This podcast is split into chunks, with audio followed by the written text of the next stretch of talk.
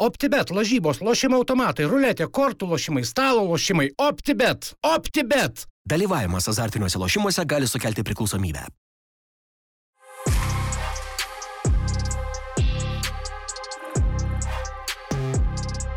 Kągi, sveiki, sveiki įsijungę dar vieną podcastą. Šį kartą podcastas kalbina ir turėjome šiame sezone, vadinkim taip, kartą studijoje Arvidą Novikovą.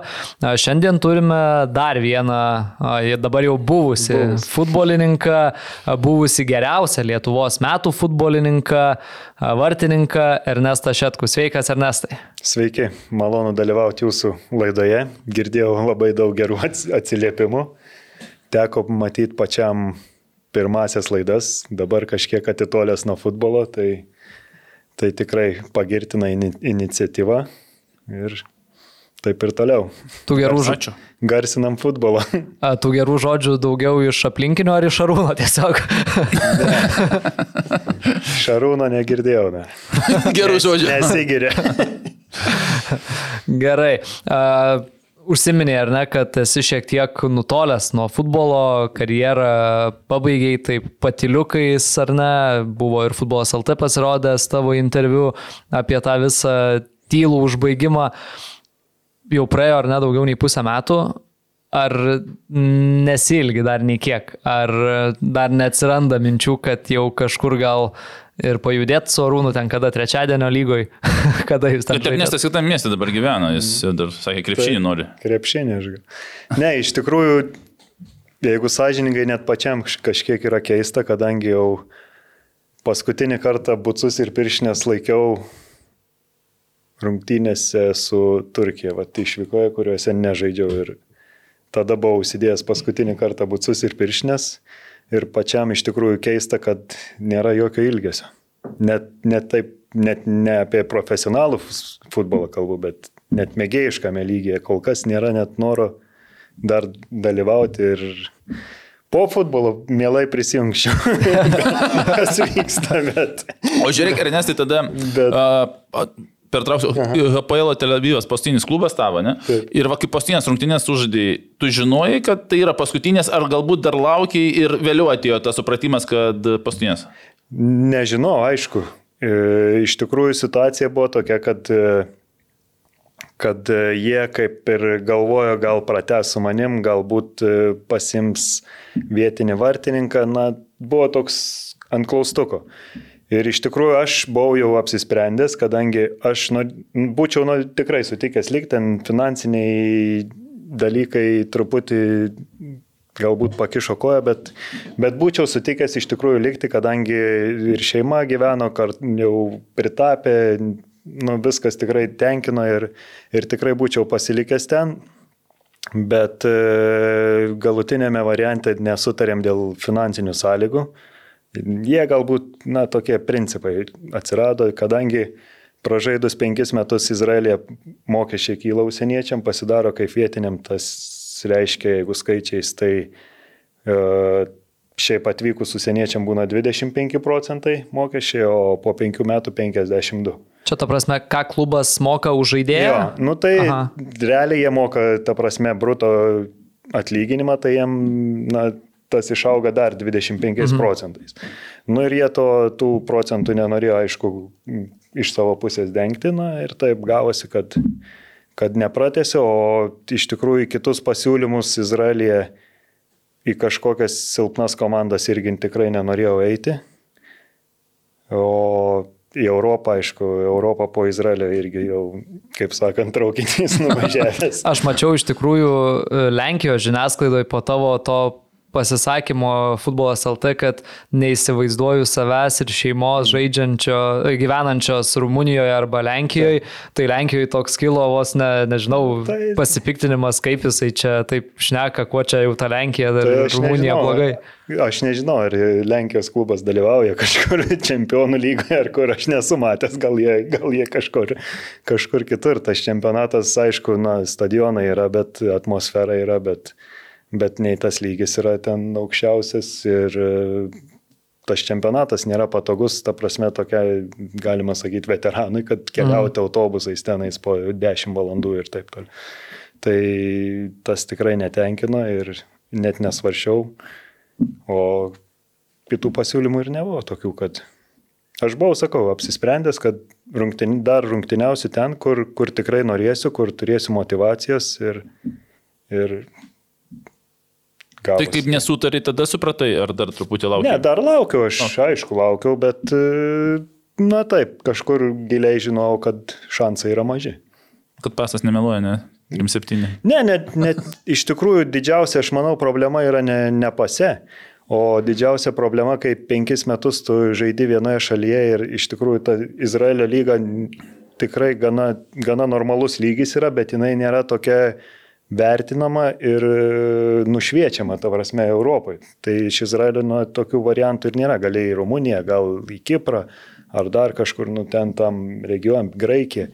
Bet e, iš tikrųjų sunku iš ten toliau. Bet Kiprė, kaip tu buvai, nebuvo iš Kipro, nes vis tiek, man atrodo, klimatas tau, nu, kaip šeimai tinka. Iš Kipro irgi, iš tikrųjų, finansinės sąlygos netokios kaip Izraelė ir irgi važiuoti ten, ta prasme, jeigu, jeigu neturėtum už ką valgyti, tai jo.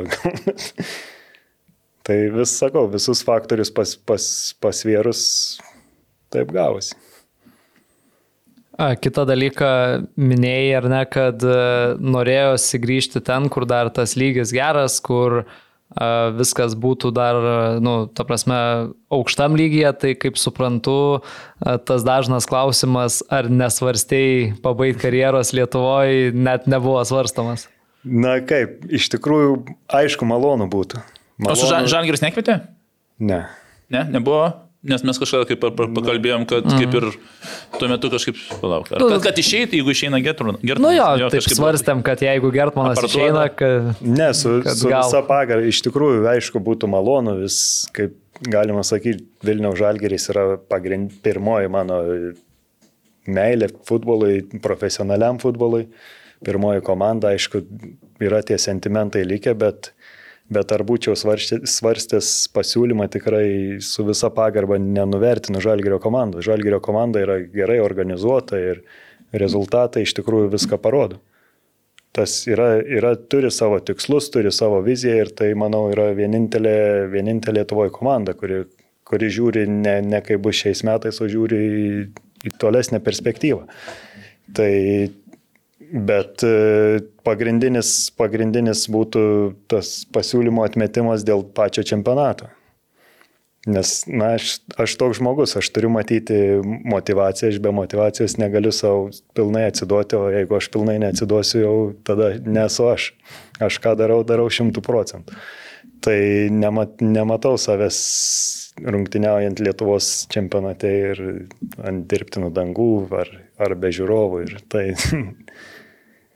jau kaip sakant, per... Tai gerai, kad ir nebuvo pasiūlymo, nes ir būtų tai... atsisakęs. ir, ir gerai. o, užsiminiai, kad e, jeigu nėra motivacijos, yra blogai, čia toks kaip ir savaime suprantamas dalykas, bet ta karjera vis tiek e, ilga, truko beveik 20 metų nuo tų pirmųjų metų Vilniaus Žalgiri. Ar buvo tokių sezonų, va, gal dabar jau į karjeros pabaigą, kai jau tos motivacijos gal ir netiek ir daug jautėjai, kad jau taip, nu, sakykime, jau eini kartais galbūt tik dėl to, kad reikia. Kaip iš, į darbą, ar ne? Iš tikrųjų, neslėpsiu, yra daug futbolininkų, kurie taip jaučiasi. E, būdavo, aišku, dienų. Na, tu negali, tu negali kiekvieną dieną eiti šimtų procentų atsidavęs ten, nebeskraido drugeliai po 20 metų ar net po 10 metų. Tai aišku, būna, bet ta prasme, tu turi tą patirtį, žinai, kada gali, na, truputį tas padangas nuleisti, kada gali vėl pripūsti. Ir tu žinai, ko tavo, ko tavo kūnui reikia, kada tu gali kažkiek nusijimti krūvį, kada vėl daugiau gali duoti. Tu jau susidaręs tokį savo grafiką ir, ir jo laikaisi.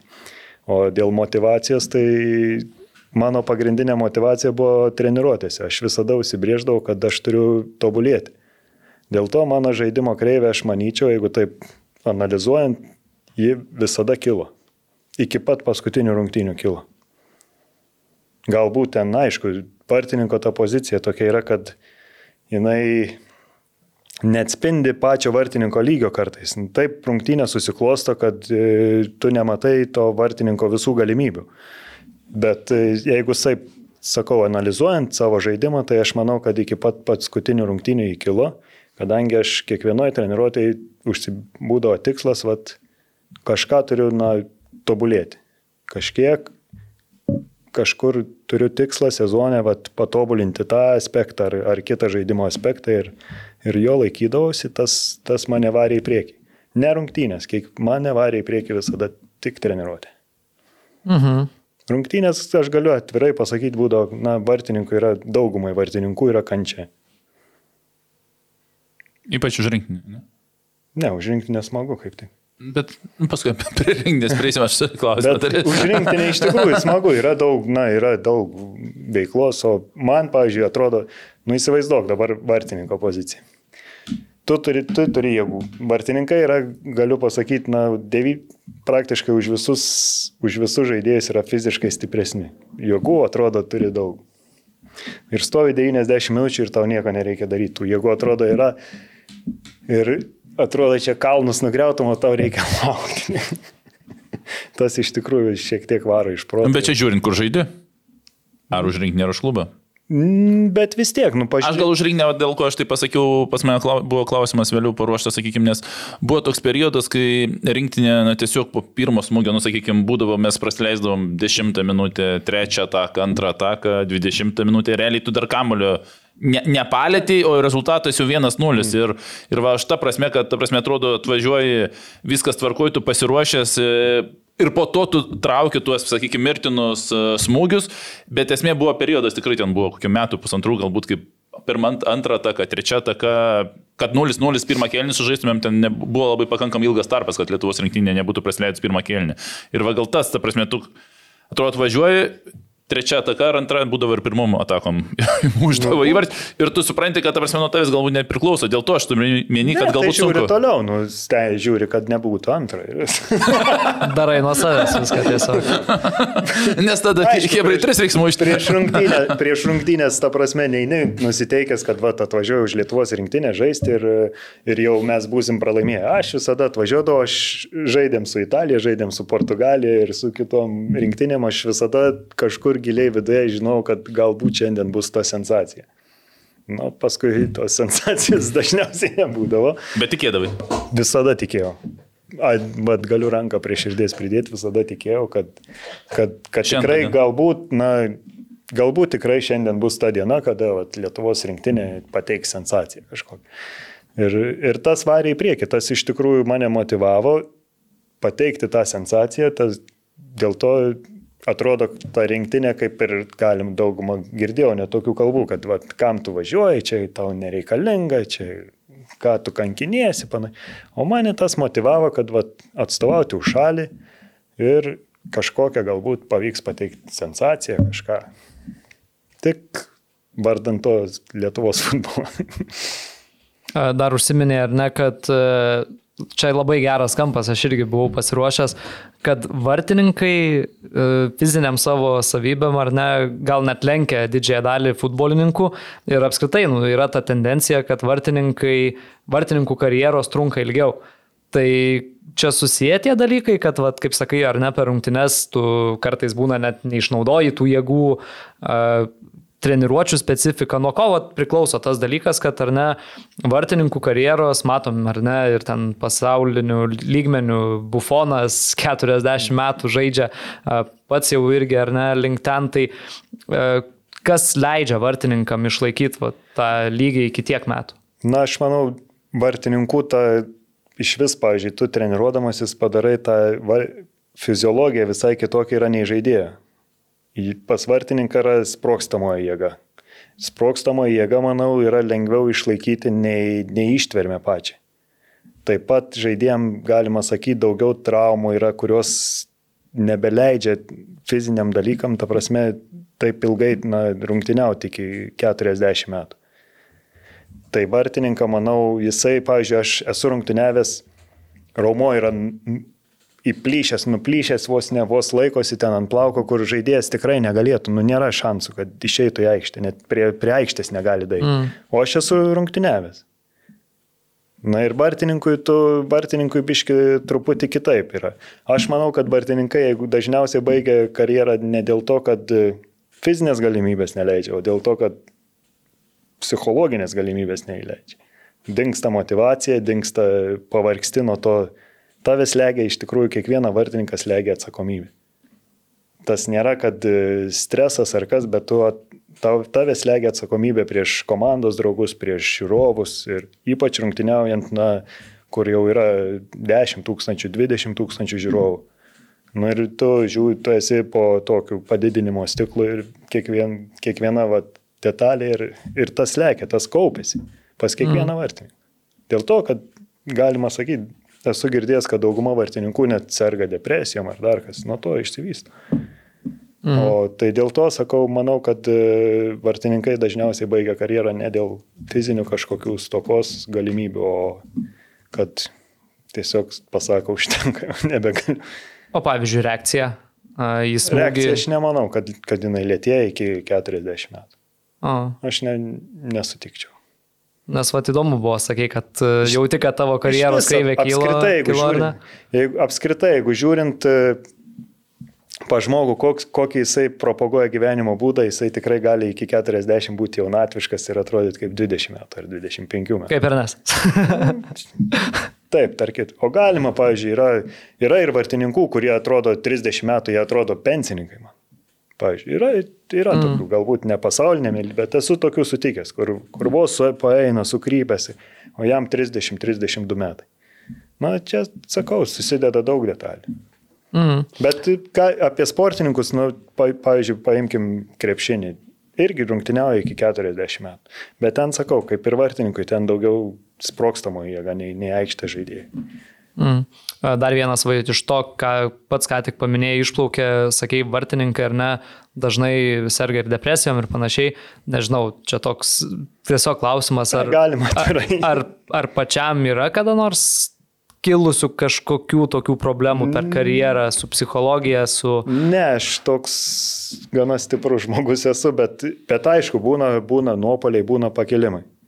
Ir e, būna, vat, atsibundi rungtynę šeštadienį ar sekmadienį ir tu gali lovą ir tau, tu žinai, kad tau vakarė reikia eiti rungtyniauti, tu to absoliučiai, absoliučiai nenori. Labiausiai pasaulyje tą, tą minutę nenori daryti. Mm. Nu, tau reikia. Nu, tau reikia kažkaip surasti, kaip prisiversti, kaip perlipti per tą. Ir nėra, vartininkui sakau, bar, kas nepabuvo vartininkų, vart, kaip, kaip gerai jokaudami su, su žydrūnu, sakydavau, tik vartininkas vartininką gali suprasti. Nes... O, o, o, Tes ne. Tai tesk tu dabar. E, e, ar nesu pripažįsti tu, kad yra tas posakis, kad vartininkai truputį kitokie nei futbolininkai? Vat iš tos va, principo, kiek matęs, nu, tikrai daug esi matęs, Ir čia toks, ar čia toksai čia banalus tas, toks... tas pasakymas labiau, aš manau, kildo, kilo iš e, ta, Tarybų sąjungos laikų. Nes tada tai jo, senais laikais aš dar pats pradedant, pradedant prasidėjus na, futbolininko, mm. galima sakyti, karjerai, tikrai matydavau tų vartininkų tokių. Vacys. Vacys. Ir, ir, ir va, tavo draugelis, Krupskis. Su keistumais. Na, iš tikrųjų, aš nesakau, kad jie blogi žmonės ar, ar kažką net neteisingai daro, bet, na, turėjo keistumų. Ta, seniau tas buvo futbolas visai kitoks ir tie vartininkai buvo kitokie. Jie turėjo būti drąsus, kad būti drąsus turi būti kažkiek toks crazy, galima sakyti. Na, iš to susidėdavo. Nes tai būdavo, na, auginami, ypač Tarybų sąjungoje, Lietuva, kai atgavo nepriklausomybę. Tokie buvo, na, vis tiek standartai tokie. O dabar manai, kad truputį... Dabar aš manau, man, kad atvirkščiai pasikeitė, kad vartininkai, ta, vartininkai yra... In, atsakingesni. Atsakingesni, tuo pačiu ir intelektualesni, aš galvoju. Mhm. Bent jau iš mano pusės. Taip. O kodėl? Pagal ką tu taip sprendži? Jie, jie daugiau masto, daugiau, daugiau planuoja. Žaidėjas tiek neanalizuoja priešininkų, kiek vartininkas. Jie dėlioja, na, vartininkas, analiz... tu daug ką gali sudėlioti, pasidaręs gerą analizę apie varžovą ir tu gali daug ką, iš tikrųjų tau daug gali padėti, daug daugiau nei, nei manai, manyčiau aikštė žaidėjai. Tu matai, kaip smūgiuoja, kur gali smūgiuoti ir panašiai tokius smulkmenas. Čia aišku. 11 metrų tu analizuodavai ar treneris analizuodavo? Analizuodavau, aišku. Ar treneris Su duodavo? tren kartu. Kartu. Tai va- Prieš Visada. kiekvienas? Tai va čia toksai, ar ne, tie 11 m baudiniai, tai toks kaip ir turbūt ir paprastam futbolo žiūrovui yra aiškus, kad vartininkai ruošiasi 11 m baudiniam, bet kaip yra, tarkim, situacijose į žaidimo. Ar tu žinai, tavo varžovas polėjas, kaip jisai dažniausiai muša įvarčius per rungtynes iš žaidimo, kaip smūgiuoja baudos smūgį galų gale. Aš susidarydavau tokį, na, tokią, kaip sakant, e, atkartojimą rungtynių prieš rungtynės, vat, pa, paanalizavęs, pažiūrėjęs polėjus, ten, na, atakuojančias grandies žaidėjus, kaip kas ką daro ir aišku, tu rungtynių metu to ne, ne, nepradėsi galvoti, kad, ai, va, tas taip, da. bet tu taip likus ten dienai prieš rungtynę visada analizę darydavau pavyzdžiui, rungtynė šeštadienį, tai ketvirtadienį. Penktadienį aš jau galvodavau, kaip susidėliojęs, galvodavau, įsivaizduodavau tos momentus, kaip kas vyks. Na, tas kartais padėdavo kartu. Tu ketvirtadienį ką video žiūrėdavai? Jo. Video žiūrėdavai? Video pa, pažiūrėdavau, kaip smūgiuoja, kokie priešininkų būna tenais e, progos Mhm. sukurtos, panašiai, kažkas. Nežinojau. Tai čia toks yra Bet čia, nu, kiti nežiūri. Aš, Tai va, aš Man- man irgi keista, norėjau klausti, ar čia yra iš tavęs paties, Aš tu pats tavęs, ieškai, aš- ar aš čia pats vartininkų treneris tau tą informaciją pakiša? Pri, priklauso nuo vartininkų trenerių. Yra vartininkų treneriai, kurie visą savaitę ten pučia, pučia tą informaciją tau. Bet yra, kurie, kurie iš vis nesikiša ir jeigu nori, tu pats darai. Aš arba vartininkų treneris, arba aš pats individualiai darydavau. Yra buvę, kad vartininkų treneris per daug jau tos informacijos kištų ir sakydavo, jau, jau, Ne, aš stop. toks, aš toks lankstus žmogus, aš priimu tiek priimu kritiką, tiek informaciją, tiek viską. Ir Tik atsirinkė, nėra. ne? Atsirenku, aišku. Dar irgi minėjai, ar ne, kad jau prie tos karjeros pabaigos čia tai pradėjom, kad ruošiaisi paskutinius dviejus metus. Tai kaip tas pasiruošimas atrodė, kokie žingsniai. Arūnas tai čia yra pasakojęs, kaip jisai ruošiasi ir kaip jau turėjo viziją, ką veiks po karjeros.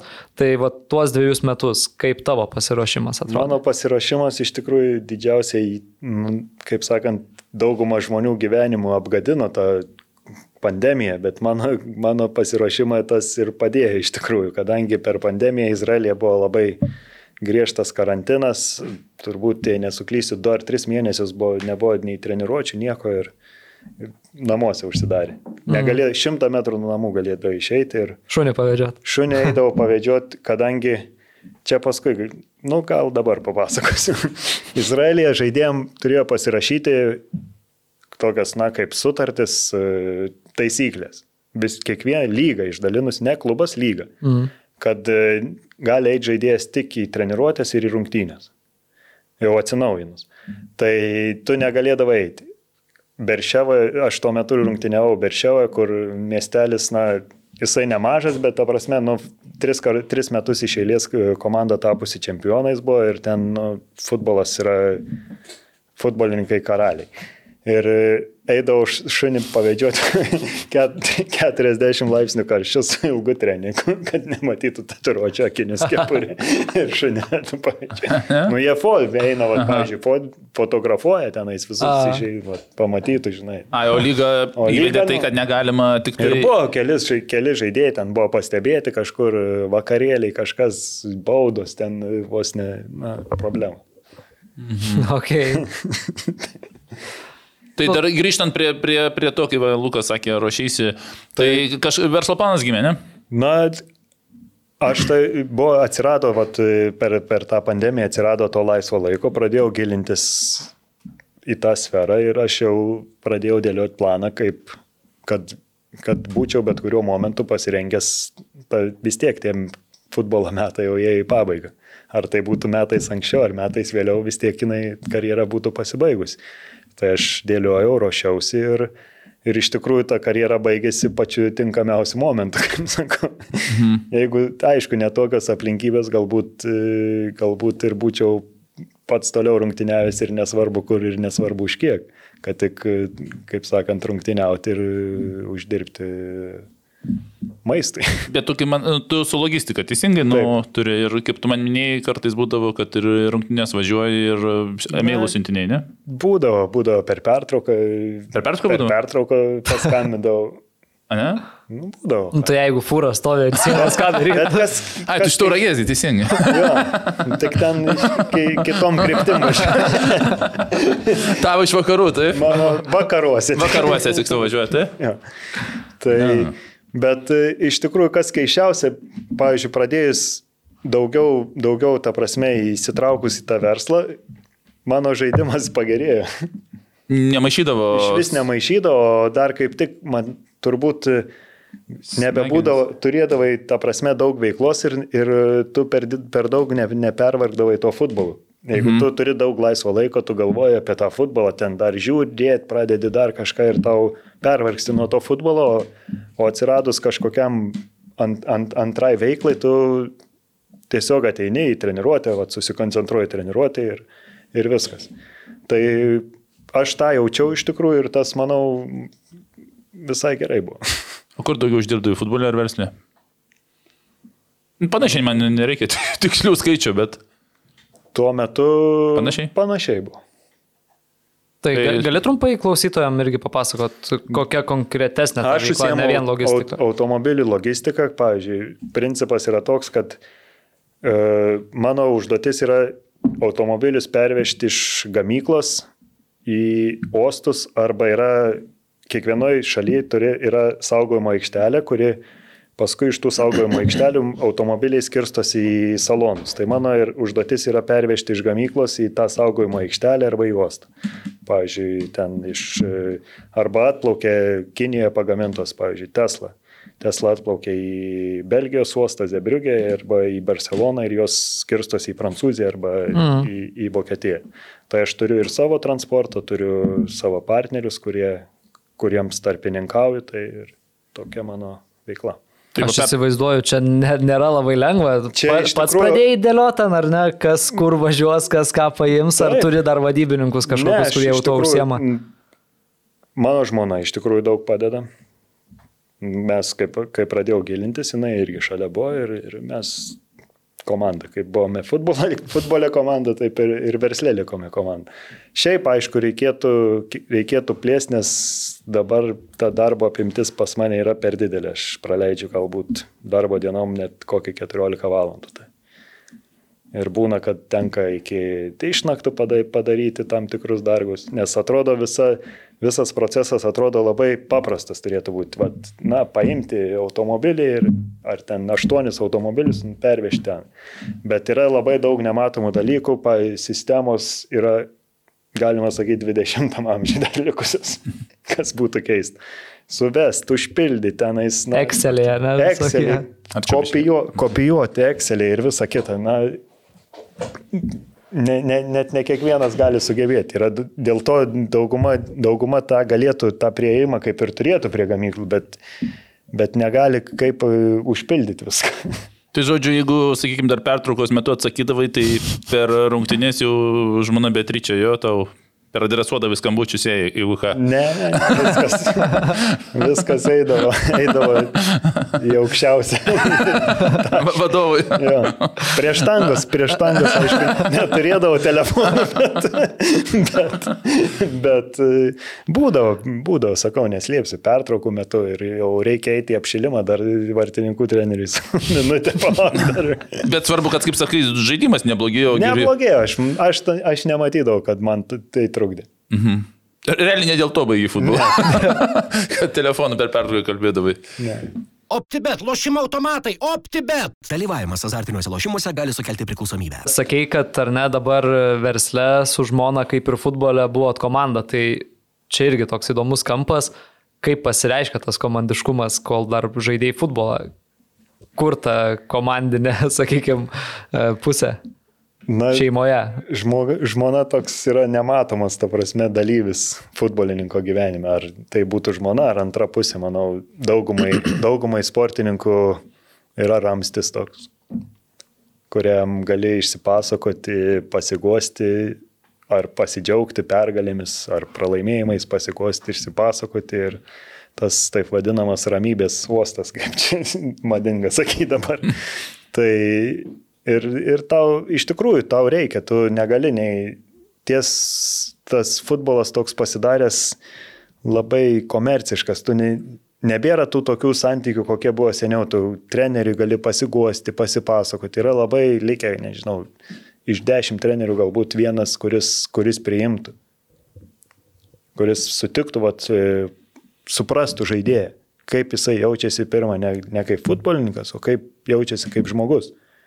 Visi nori čia ir dabar. Tas man iš tikrųjų futbolo, futbolė labiausiai skaudindavo, matydavai, atvažiuoja, na tikrai, ar, ar tai būtų užsienietis, ar ateina vietinis žaidėjas ir iš tikrųjų yra pakankamai matosi, na turi talentą, turi gebėjimus, viską bet jam, jam reikia laiko adaptuotis, jam reikia priprasti, perprasti. O daugumai reikėdavo čia ir dabar ir jisai vienas, antros rungtynės, ai, lauk. Kitas. Kitas. Na ir tas visas, taip pat ir su treneriais. Vienu rezultatu. Su treneriais dar greičiau. Kaip kada? Galbūt kaip kada. Nu, vis tiek futbolininkus labiau transfero metu at... Būna visai. Būna, visi, būna visai, visai faktas jo, bet. Treneris bet kada iš, realiai. Po trijų pralaimėjimų.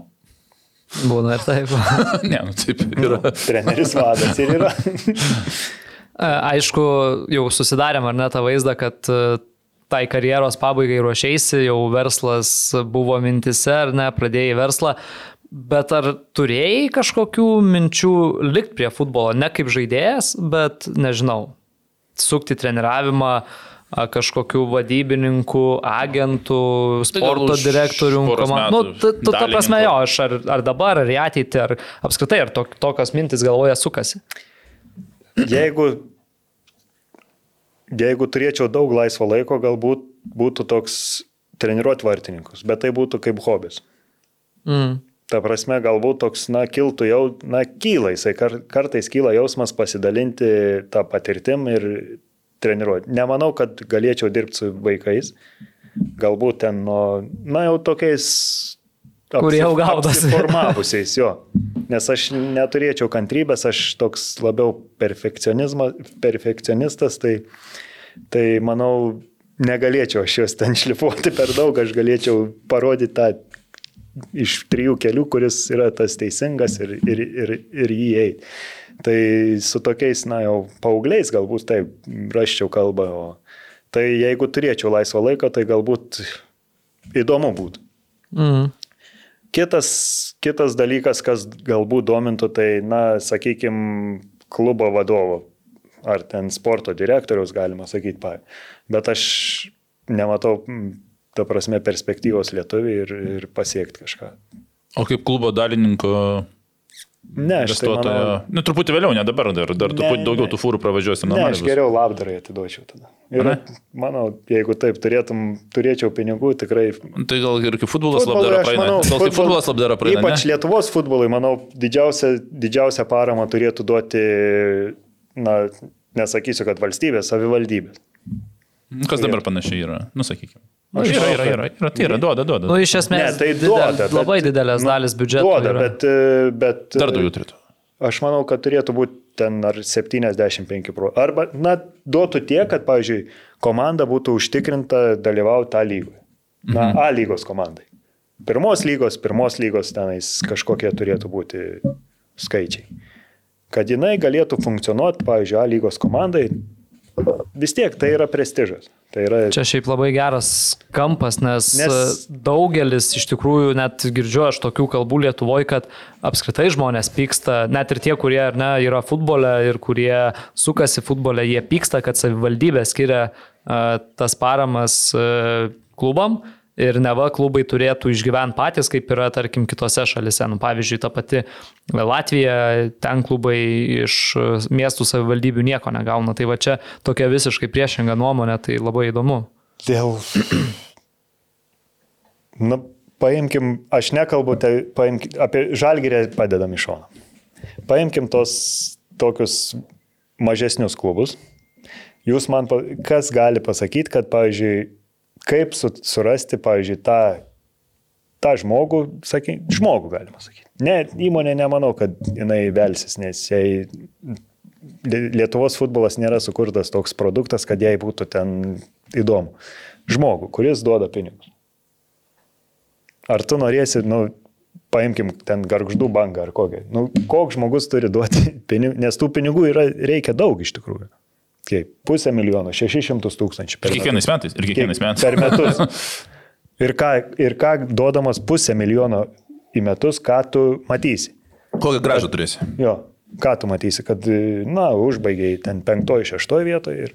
Nu, jo, tiesiog turi būti su neįtikėtina apyvarta ir pelnais įmonė, kaip regionuose, Nu, ne bet visą laiką tokių. Ir dar, jeigu- dar mylins viskas, Jo. bet nu tokių ne, ne, Nu, tokių nesurasi. Vieną, galbūt vienas, vienas kažką. O kad sukurti pro- klubą tokį, kad jisai save išlaikytų Lietuvoje be savivaldybės pagalbos, tai čia yra misija neįmanoma.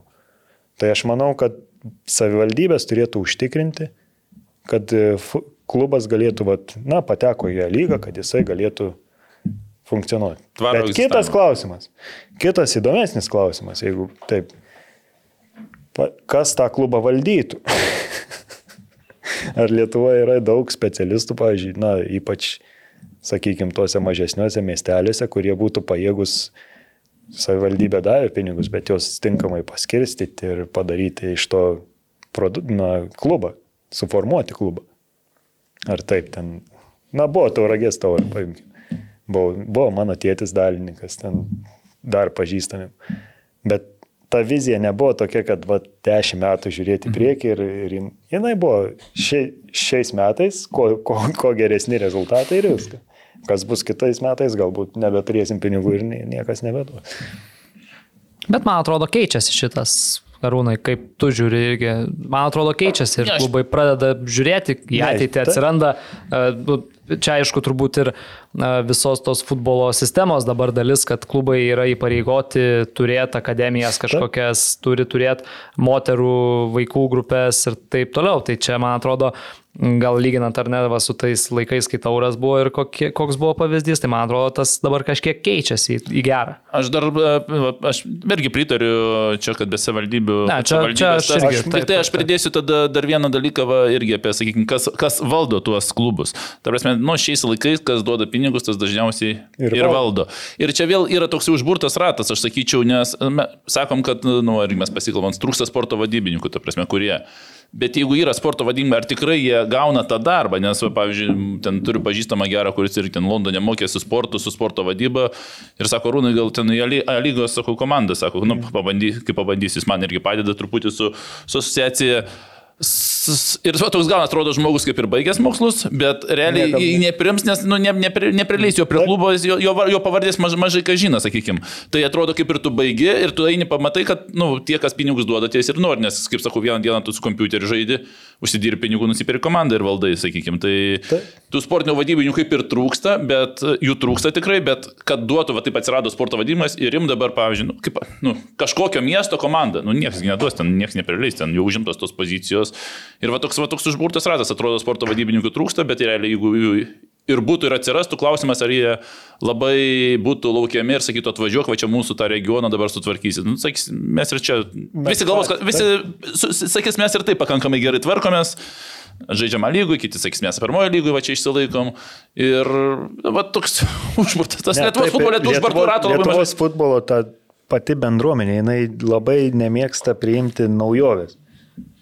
Nežinau kodėl. taip. Jinai ne, nemėgsta, jie galvoja, kad va čia atvažiuos ar kažkoks, na, būdavo užsieniečių Lietuvoje trenerių. Visi žiūrėdavo taip, ką čia, kodėl taip, čia tas, čia ką, jis neišmano. Nu, toks buvo, tokia nuostata yra.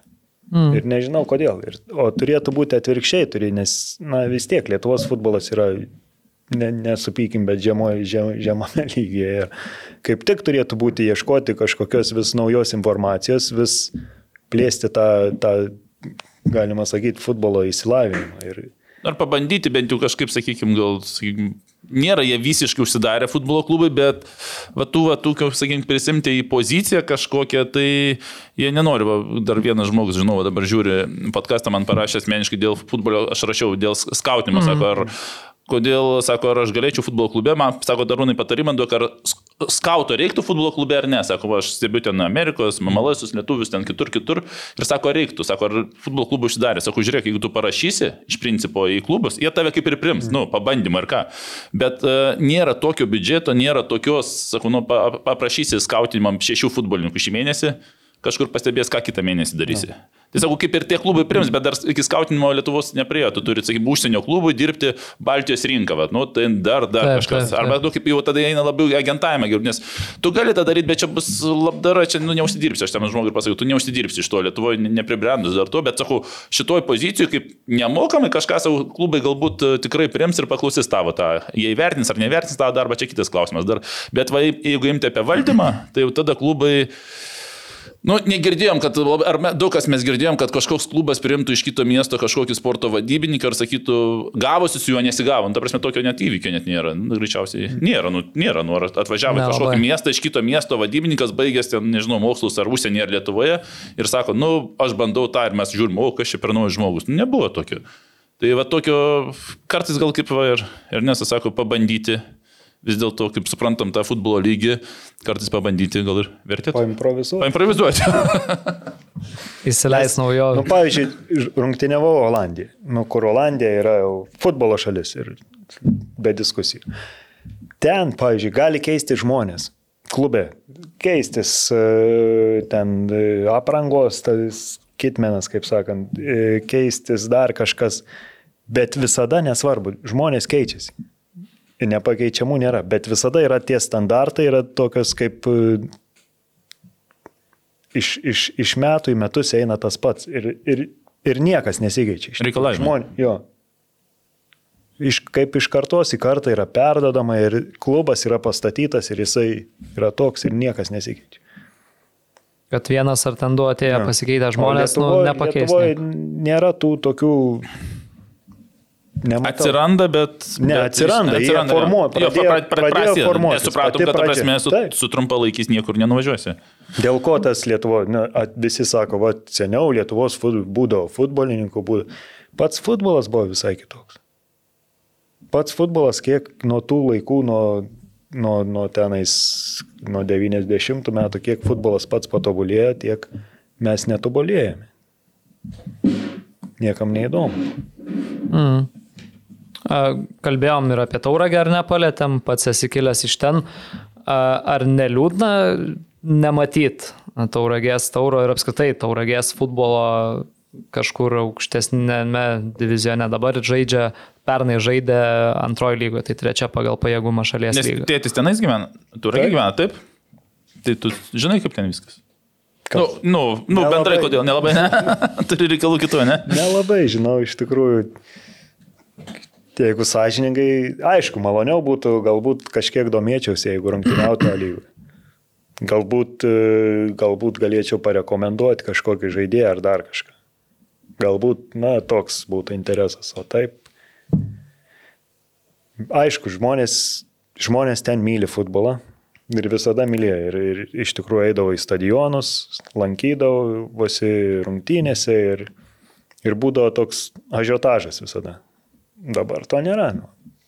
Galbūt kažkada atsiras. Galėtų. Šiaip irgi, Jeigu, jeigu savivaldybė padės. Šiaip irgi yra tauragės tauro sergalių ta grupė, grupuotė, jie dar, nu, Ir dar ta prasme- gyvi. Jie dar gyvi, jo. Klubas miręs, bet klubas, galima sakyti, negyvas, bet jie dar gyvi. Tai Tavo tėtis, ar ne, sakai, buvo klubo dalininkas, esu girdėjęs, kad kažkiek ir agentavimu užsimdavo. Ne. Ne? ne, iš, iš Taip, nebent iš kažką, kažkur iš širdies, kad padėti Mm. kažką pakelbėti.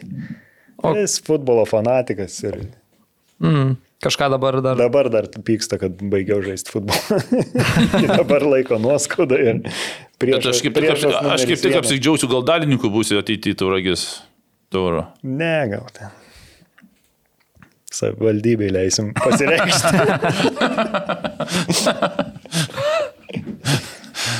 Šiaip, bet tauragė, ar ne, kaip tu atsimeni savo pradžią tauragiai. Nu, ten vis tiek yra išugdytų futbolininkų, ar ne? Dabar tas pats Gertmanas, kas čia dar iš rinktinės, Dabkus buvo, kas Piliukaitis ar ne, Berots irgi jaunas dabar, kur iš tauragės. Kaip atsimeni tą, tą futbolą tauragiai? Ar ten buvo kam paruoštos žaidėjus, ar čia buvo labiau natūralūs Na, talentai? Tauragiai žaidėjai Aišku, esu dėkingas ir, ir treneriam, jie, jie darė tuo metu, ką galėjo. Kokie, kokie buvo na, ruošiami jie, taip ir jie iš tikrųjų rūpinosi ir mylėjo kiekvieną, nesvarbu, ar, ar ten geresnis tuo metu buvo vaikas ar blogesnis, bet buvo vienodai visi mylimi ir globojami ir saugomi. E, bet e, kaip žaidėjas iš ten atsiranda, net neįsivaizduoju, aš pats nesuprantu, kaip, kaip galėjau aš atsirasti, tapti žaidėjai iš tenais. Nes tu į Vilnių jau kaip ir... Aš visas, visa iš tikrųjų ta karjera pas mane tokia, na, jos kaip ir galėjo ir nebūti. Nu. Nes aš išvažiavau į Vilnių ne žaisti futbolą. Studijuoti. O studijuoti išvažiavau ir, ir kadangi... Baigiai? Kadangi... Ką bangi? Baigiai mokslus baigė? Ne, nebaigiai. Nebaigiai? Dar ne. Dar ne. Gal kažkada. tai grįžtant prie to, vad, na, tėtis, kadangi pažinojo, pradžioje buvo taip, kad nesuklyščiau. Pradžioje buvo Polonija, tuo metu buvo, kadangi tėvas pažinojo Vinsą Kateivą, tai jau prie Polonijos, bet aš eidavau taip, na, taip, net, jeigu sąžininkai pasamuliuodamas. Du, ten, du, tris kartus per savaitę tiesiog taip, kad, na, neapleisto futbolo, jokių minčių nebuvo apie profesionalų futbolą pas mane. Jau taip, tik, na, kad tiesiog. Tai čia būnant, kiek, 18 jau? 19. 19. 19 buvo. Tada buvo žiema jau prie, tuo metu buvo FC Vilnius, kadangi tėvas pažinojo Latožą, tai tėvas irgi buvo futbolininkas ir, ir su tais treneriais perėjęs tos trenerius ir pažįstam.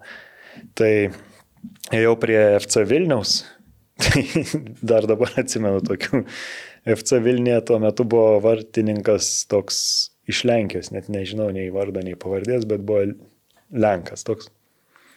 Na ir, ir jisai sako, vat, nu, ir var, tuo metu vartininkų trenerių nebuvo, jisai buvo toks vyresnis, apie 30 metų, gal jis kaip, kaip ir vartininkų treneris buvo, tipo, čia tą daro.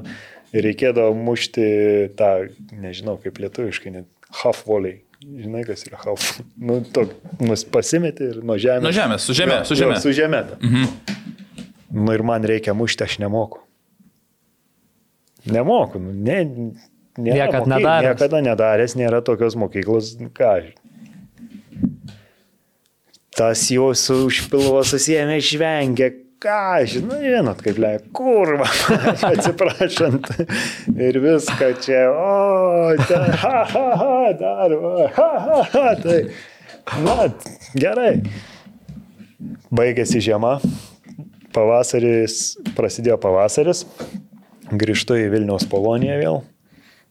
Ir Vincas Kateiva tuo metu buvo balandis. Vincas Kateiva sako, pamatysi, dabar padirbsim. Rugsėjai rugsėjai už Žalgirio pirmą komandą. Treneris, sakau, baigit, nejuokaukit, sakau, aš nenoriu žaisti futbolą, sakau, ateinu, sa, taip pat kaip mėgėjas, sakau, smagu, sakau, at, pasitreniruoju su, su vaikinais, viskas linksma ir man daugiau nereikia, sakau, aš mokinuosi, kaip verslą kažkokį darysiu. Taip, pamatysi, pamatysi, sako. Pamatysi rugsėjai. Nu ir ką, rugsėjo 30 debituoju už Žalgirį. Spalį susitinku tą Lenką. Lenką aikštė sutinku spalį. Sakau, jau, jau moku mušti. Lemba, bet čia gerai. E, esi kalbėjęs kada va, su Vincu Kataiva apie tai, ką jis tavyje galbūt matė tuo metu, jeigu tu pats savyje net nematė. Jis ne? pats nežino, jis, jis, na, tas dar, kaip sakant, iš tų laikų, kur vartininkai šiek tiek keisti. Pasibūdo, arba jisai mėgsta, pavyzdžiui, žaidėją, arba jo nemėgsta. Jeigu jis nemėgsta, tai... tai Viskas. Nurašydavo greitai. Buvo toks Vilniaus polonija ilgais plaukais, kada nusikirpsi plaukus. ir, ir, ir kol jis nenusikirpo plaukų, jo neleisdavo žaisti. ir kiekvieną treniruotę vis tą patį, kada nusikirpsi plaukus. tai va. bet, bet sakau, be jo, be jo mano karjeros tikrai nebūtų ir, ir vienareikšmiškai yra vienintelis, ne vienintelis, bet ta prasme pagrindinis tos karjeros, kaip sakant, kalvis. Tai pirmą sezoną sužaidžiau žalgirį nuo rugsėjo, tada buvo likę 13 rungtynių, jeigu neklistu. Sužaidžiau ir tada dar tuo metu žalgirio prezidentas buvo Janušas Loputis. Sako, rinkis arba Maskvos lokomotyvą, arba Maskvos dinamą. Sakau, nei ten, nei ten, sakau, aš dar nepasiruošęs išvykti. Ir ne? Ir nevaž... net, net, net į diskusijas neėjau. Bet tai kaip tais laikais, ar ne greitai viskas, ja. va, taip nu, atrodo, ne, galėdavo įvykti. Tuo metu nu, tas lygis visai Lietuvos čempionato lygis. Nu, tuo metu visai... šiaip daug išvažiuodavo jo, į Rusiją. Išvažiuodavo ir, ir, ir buvo lygis ir visi ką, tai pagrind, pagrindinis vartininkas buvo sužaidęs 13 rungtynių. Vis. O kas žalgiri dar tuo metu vartininkas? Tuo metu buvo Mindaugas Malinauskas, Marius Rapalis ir e, kažkas dar gal buvo traumuotas. Nes. Ir Lenkas. Lenkas kit, kitoj barikadų pusėje buvo. tai atsimenu debiutinės rungtynės. Rungtynė su prieš Marijampolę Sūduvą rungtyniaujam.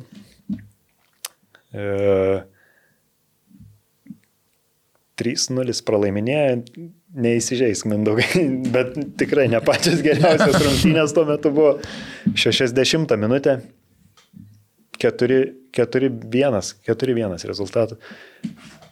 Erni, eik šilk. 60 minutę eik šilk, sako. Ir ką, ir 65 įžengiau debituoti. Okay. Kaip, kaip tokiam, nežinau, jaunas žmogus. Iš tikrųjų tada buvo daug lengviau, kadangi aš nebuvo jokių nei tikslų. Ai, pasiseks, nepasiseks. Na, tuo, tuo metu, ta prasme, pagrindinė užduotis viena, daugiau nežiūrėdavo į, į priekį, net viena užduotis nepraleisti įvarčiai ir viskas. Paskui jau, kai karjera jau eina, tada, tada ta, ta įvarčio kaina vis brangesnė pasidaro. Tai tuo metu viskas taip, tiesiog fan buvo, be jokios atsakomybės, be, be nieko, na, ką, susi, susimausi, nesusimausi, kaip bus taip. A, Vilniui kiek praleidai? Keturis metus su pertrauka trumpa, ar ne? Turbūt. Jau taip senai buvo. ne, ne. Rūnai, atsidaryk. Taip, plius minus. O po to buvo Kipras, čia Kipras. Kipras nu, jau paskui. Tai kodėl jau... paskui pradėjus, vat. Jau buvai pasirengęs, jau buvai jau pasirengęs. Pasirengęs iš tikrųjų ir, ir sakau, na, užkabino. Iš tikrųjų, Vincas Kateiva užkabino ir iš tikrųjų pasinėriau į tą futbolą ir, ir supratau, kad noriu būti jau tuo profesionaliu futbolininku, parungtiniavęs, tai turbūt tada pusę sezono sužaidžiau, po to sužaidžiau visą pilną sezoną, nei vienų rungtinių nepraleidau. Tada, su, jeigu neklystu, su Rapaliu pakaitom sužaidėm. Ir po to jau sakau, bet pasirengęs, sakau, esu mat, profesionaliam futbolui ir, ir jau norėčiau pabandyti išvažiuoti kažkur, bet jau tada buvo per vėlų. nei, nei Maskvos dinamo, nei Maskvos lokomotyvas nebedomino. Tai tada pradėjau ieškoti, na ir taip atsirado atsirado Kipro komanda. Į Kipro komandą nuvykau net ne kaip pirmas vartininkas, o kaip atsarginis. Bet su vartininkais ar net turbūt aš įsivaizduoju, gal labiau nei kitose pozicijose yra ta specifika, kad tu vykdamas į komandą, plus minus žinai, ar tu būsi tai, pagrindinis, ar tave vis tik ima tokiu kaip ar ne atsarginiu. Tai vis, visada matosi jau, visada arba jeigu jie turi nu, pagrindinį vartininką, tai vyksta kaip antras. Paskui sezono eigoje mm. nepakeičiamų nėra. Tik reikia kantriai dirbti, sulaukti to šanso, jeigu nesulaukia, eini į kitą komandą. Bet... Aš dar pridėsiu, kad dešimtais metais, nu, jau buvo užsidarę visi lokomotyvai Rusijos rinkos, ten kažkur 7-6 metai, kaip užsidarė, Ja. tai ne dėl to, kad... Nu, aš turiu tu žiūrovą, žiūrovą, aš turiu žiūrovą, noriu pamanyti. Ne, iš jo, jo, tikrųjų, tikrai, mane- tuo metu iš tikrųjų manęs- nebuvo Rusijos rinkos jau darytos, jau Ir iš dešimties tikrųjų vėliau. manęs ta pusė net niekada net netraukė ir aš ten nelabai, sav, ne, nelabai save mačiau ir jeigu būtų tuo metu pasiūlę kažkas iš Europos, kai buvo pasiūlymas iš Rusijos, tai iš Europos galbūt, galbūt, galbūt būtų sugundę. Dar taip, e, tuoj pat pereisim prie užsienio, kad jau pradėjom, bet dar aš norėjau tą Vilniaus Žalgirio mm. vieną klausimą užčiopti. 2008-2009 Vilniaus Žalgirio tas griuvimas, a, tada išėjai taurą ar ne. Kaip, kaip buvo žaidėjim, kaip jautėt, būdami komandos viduje, visą va, tą situaciją, kad nu, legendinis klubas ar ne griūna ir yra ties išnykimo riba? Na, iš tikrųjų, tuo metu Žalgirė buvo, toj dar Žalgirio senoji bazė, iš tikrųjų dauguma daug gyveno jaunų vaikinų, kurie atvažiavę buvo tik dėl futbolo į Vilnių. Na, iš ne, ne visai pasiturinčių šeimų, jie gyveno ten ir staiga nėra nei maitinimo, nei ko, nei nieko. Iš tikrųjų buvo sunku. Buvo sunku ir, ir atsimenu, e, pietų keturi, ir galiai, ir, ir visi kiti, ne tik pietų keturi, bet žalgiriui prijaučiantys žmonės aukojo pinigus žaidėjim, kad e, pabaigti tą sezoną, kažkaip išgyventi ir e, iš tikrųjų buvo sunkus laikai. Matydavai, būdavo ne tik iš, būdavo ir darbuotojų, kurie gyveno bazėje, kurie, na irgi tai buvo pajamų šaltinis ir jo staiga nebėra ir, ir jų niekas neima ir nėra kito darbo. Ir nėra pinigų. Na, iš tikrųjų, grįžtant į tuos laikus buvo skaudi situacija, ir, bet buvo iš tikrųjų žalgyrė ta labai vieninga atmosfera. Tokios daugiau nebuvo, ne, nesu ir pamatęs niekada per savo karjerą. Ir iš tikrųjų kažkaip vieni, vieni kitiem ten padėdami išgyvenom. Na, aš įsivaizduoju, ar ne, kai vat, yra tas toks fanų, ar ne, palaikymas, kaip tu sakai, net parama renkama ir tu, čia yra ir Vilma Venslavaitinė pas mus buvus pasakus, kaip viskas tuo metu tenais vyko, plus Mindaugas Čiapas, ar ne, kuris Tai, nu, nu, tai turi tą... Tokie yra idėj, idėjiniai žmonės, jie, jie tokių ir dabar mažai Lietuvos, Lietuvos futbolio asmenybių, kurie juos varo, na, vien tas iš jausmo daro, iš emocijų. O ne tik, kad kažką ar uždirbti daugiau vieną kitą eurą, ar dar kažką. O visi tuo metu, sakau, buvo tokia, toks kolektyvas, kad visi dėl žalgirio. Ir Žalgiris, manau, vienintelė Lietuvoje komanda, kuri bet kas gali nutikti, bet jinai išliks. Vienokia ar kitokia, bet jinai išliks. Nu, jau tokį dalyką išgyvenus. Taip. Lažybos, lažybos, lažybos, optibet. Dalyvavimas azartiniuose lošimuose gali sukelti priklausomybę. Gerai, galim pereiti ar ne prie tų kelionių jau paskui po užsienį. A, Kipre viskas prasidėjo, tai Vikai sakė, ar ne, kaip antras vartininkas.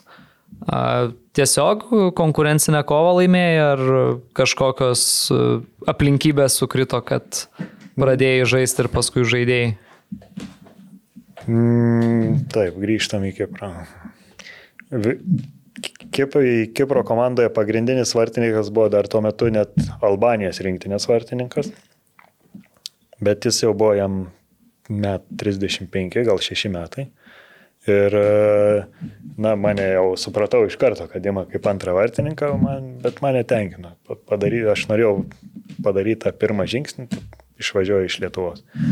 Tai, e, bet jam sezono pradžia nelabai susiklostė, o aš, aš dirbau iš tikrųjų savo darbštumu ir iš tikrųjų gerai sekdavosi draugiškose rungtynėse. Ir, na, irgi gera buvo geras, geras kolektyvas ir gerai pritapau ir e, su visais žaidėjais, na, jautiesi kaip, kaip, kaip tikrai geri draugai, kas retai būna iš tikrųjų dabartiniam futbolui.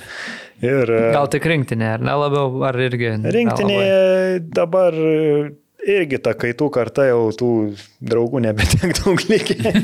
Iš tikrųjų. Ir, ir, ir, ir po sužaidus gal dešimt rungtynių, Kiprė prad... debutavau, prad... na, tikrai gerai sekėsi ir, ir, ir išstūmiau, išstūmiau šitą Albaną iš, iš pagrindo. Albanas tada gavo traumą, neaišku kur. Albanas nebežaidė iki sezono galo.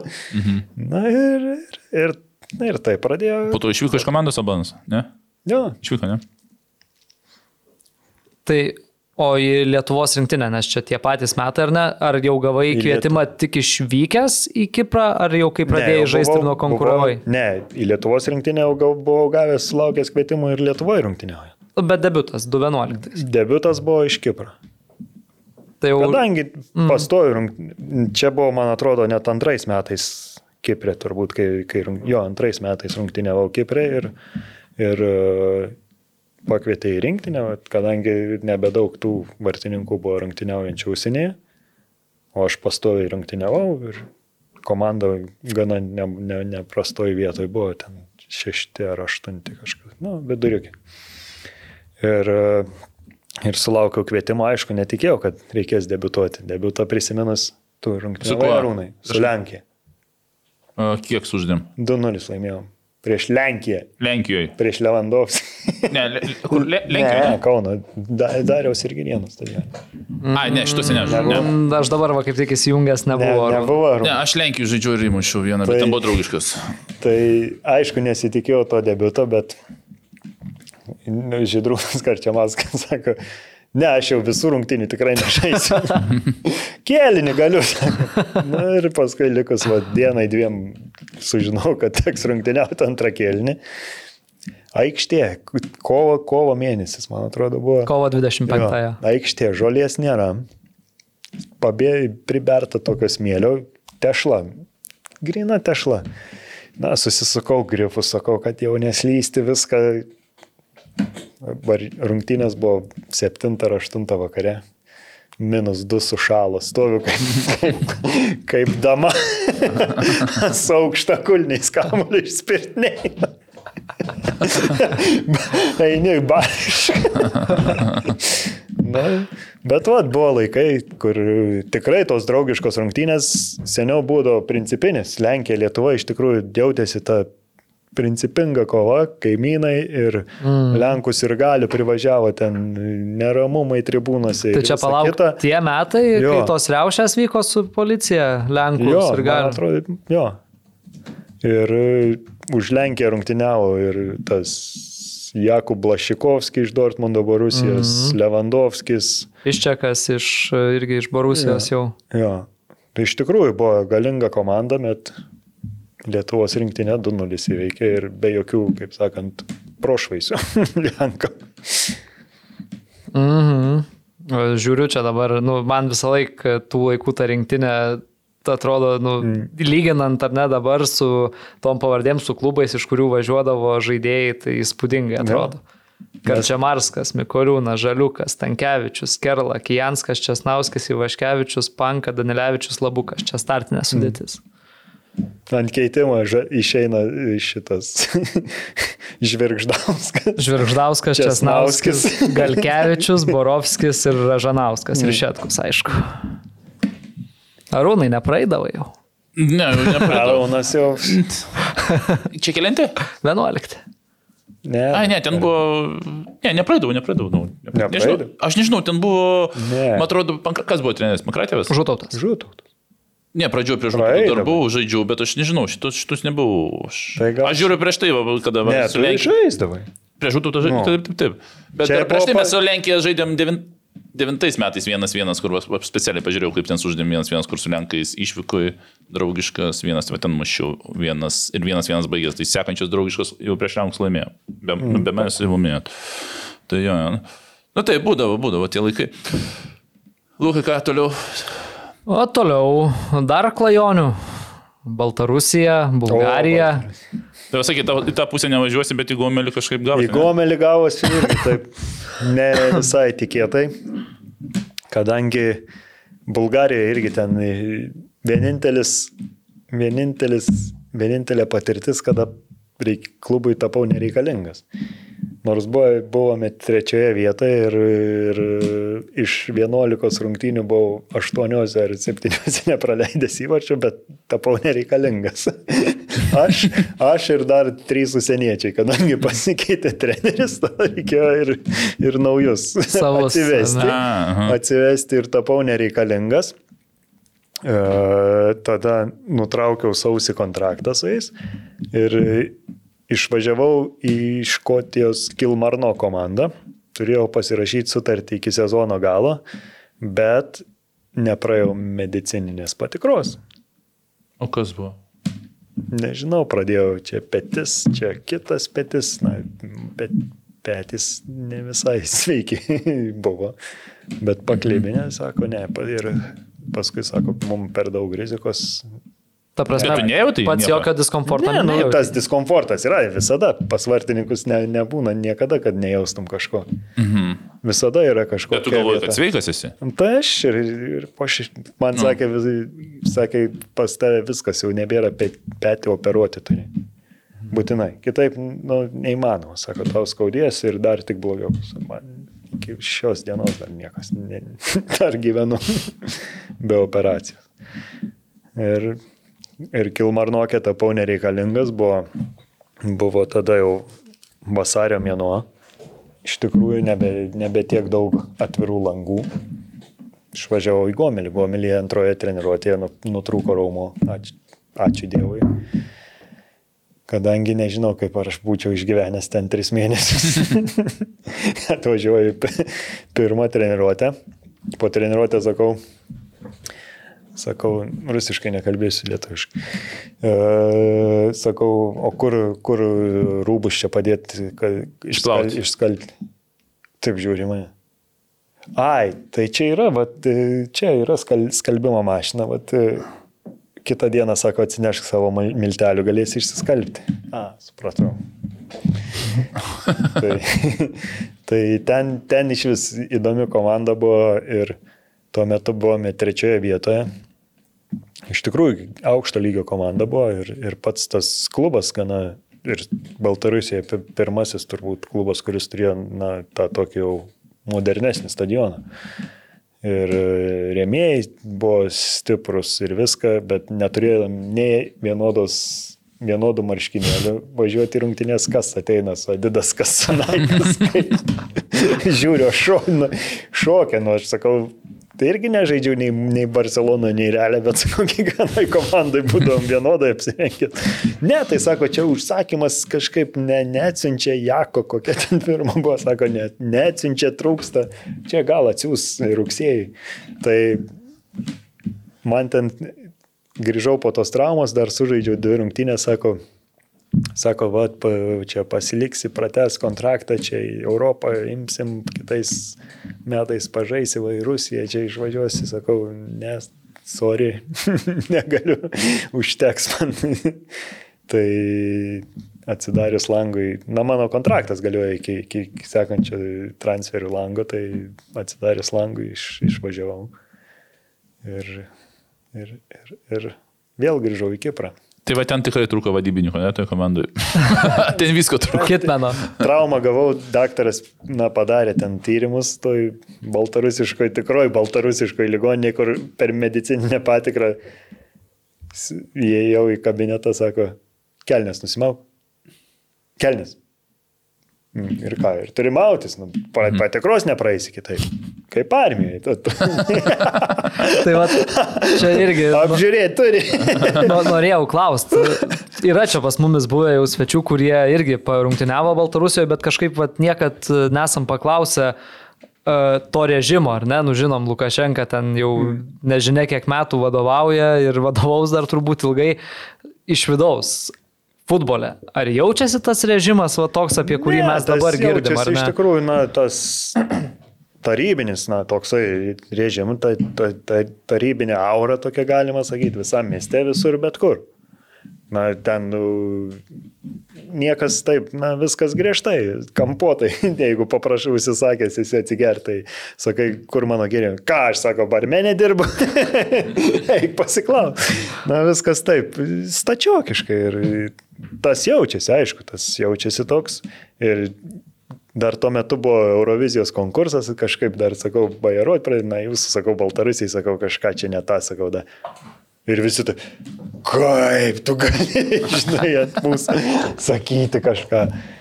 Na, tas jausdavos ir e, iš tikrųjų, tuo metu aš neįsivaizduoju, kaip jie priėmė. Tom, prieš tai jie rungtyniavo Europos lygoje ir žai, buvo Liverpoolis atvažiavęs.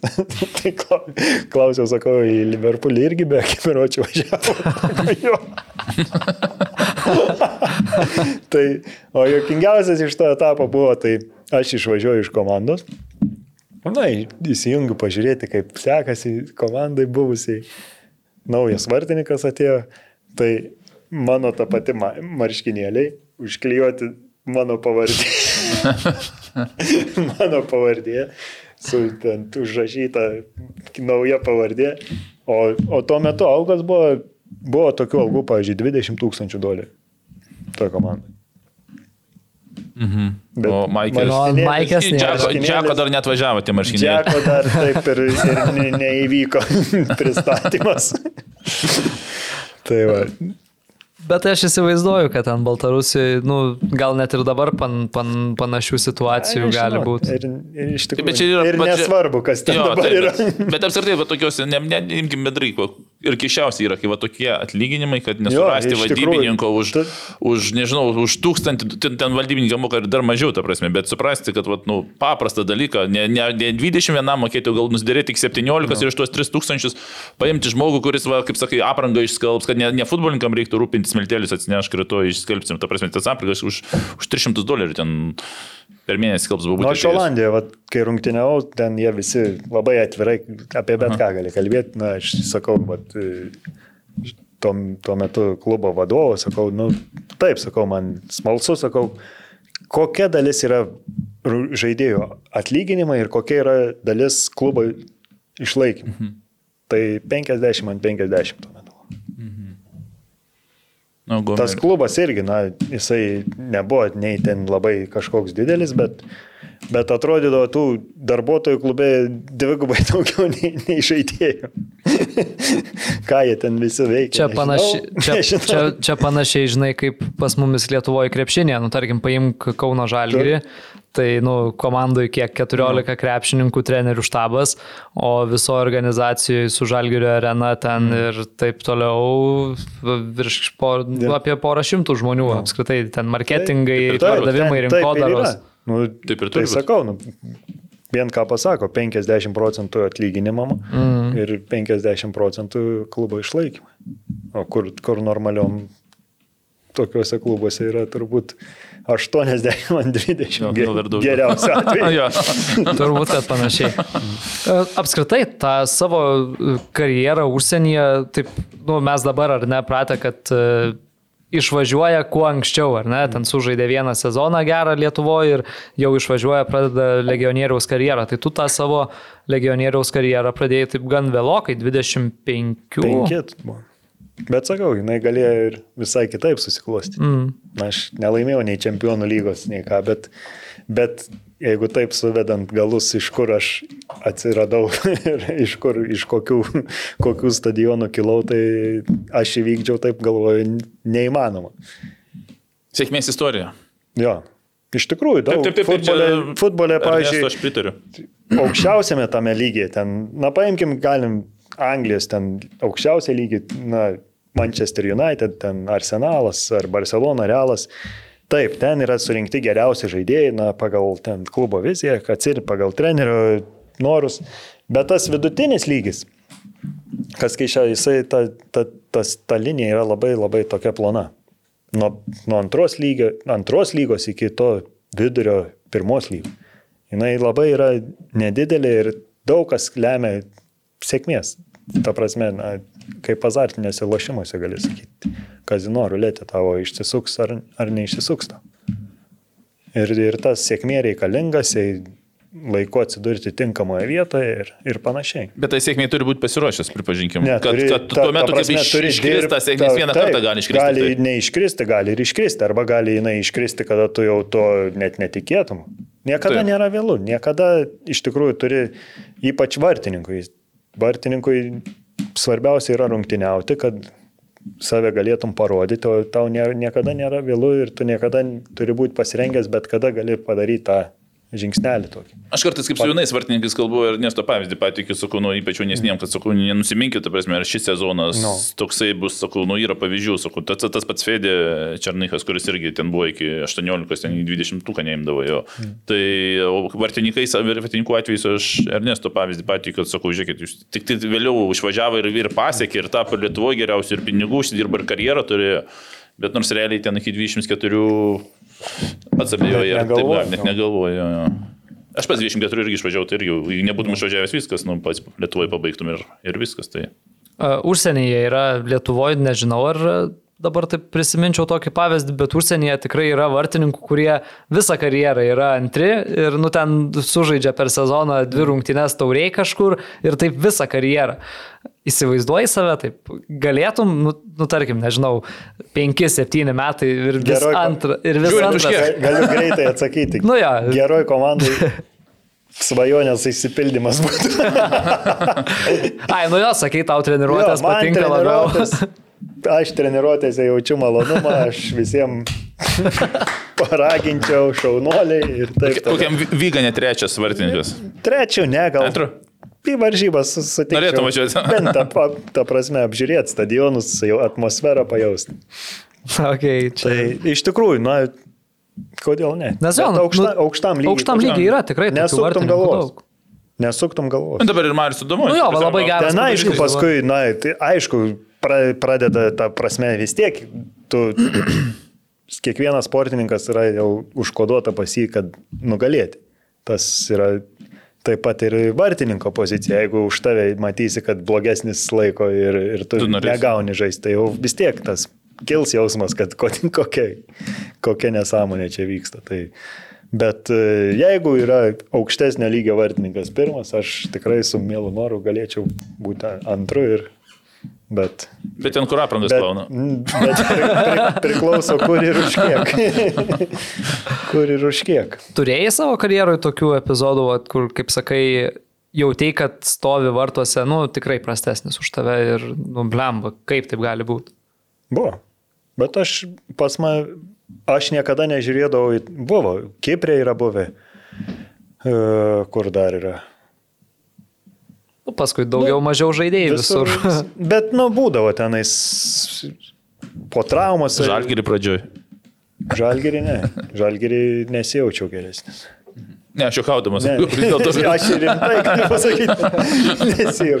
Tai, bet e, aš niekada nežiūrėdavau į... Ten dauguma, pavyzdžiui, žaidėjų iš karto pradeda mėtyti į, į ai, treneris čia, ko, kodėl treneris taip renkasi, čia treneris nesupranta ar panašiai. Aš į tai žiūrėdavau, ačiū, aš į tai žiūrėdavau kaip, e, kad aš kažko nepadarau. Mane dar, dar labiau motivuodavo, aš dar labiau stengdavausi parodyti save, save treniruotėse ir treniruočio metu. Ir, ir, ir galiausiai visada ateidavo ta diena, kada, kada apsikeisdavo. Ta neteisybė ne, ne, niekada nesitęs amžinai. Mm. Taip kaip ir būna, pavyzdžiui, būna ir, ir, ir, ir rungtynių prastesnių, papuoliai tokia, na, mini duobės. Sakau, kitiem martininkam net patari. Nu, tu sakau, va dabar, kai tu būni toj pačioj dobėje, tu pats nesupranti, bet iš šalies aš jam galiu pasakyti, kad, nu, tu visus turi duomenys, tu esi, nu, geras vartininkas. Ir tai yra tik tais toks ruožas. Tas ruožas tau nesitęs niekaip. Gali bet kaip klostytis tos rungtynės, bet ateis ta diena, kai tu vėl nuo, nuo to atsispirsi. Ir, ir tu vėl rodysi tą, ką tu iš tikrųjų gali. Svarbiausia, na, tai suprasti. Nu, būna prastesnių rungtynių, bet tu žinai, kad ta viena klaida nepadarė nei tave, ar ten vienas seivas, ar, ar viena klaida nepadaro nei geresnių, nei blogesnių. Gali bet kokį ištraukti, bet tu esi tas, kas tu esi.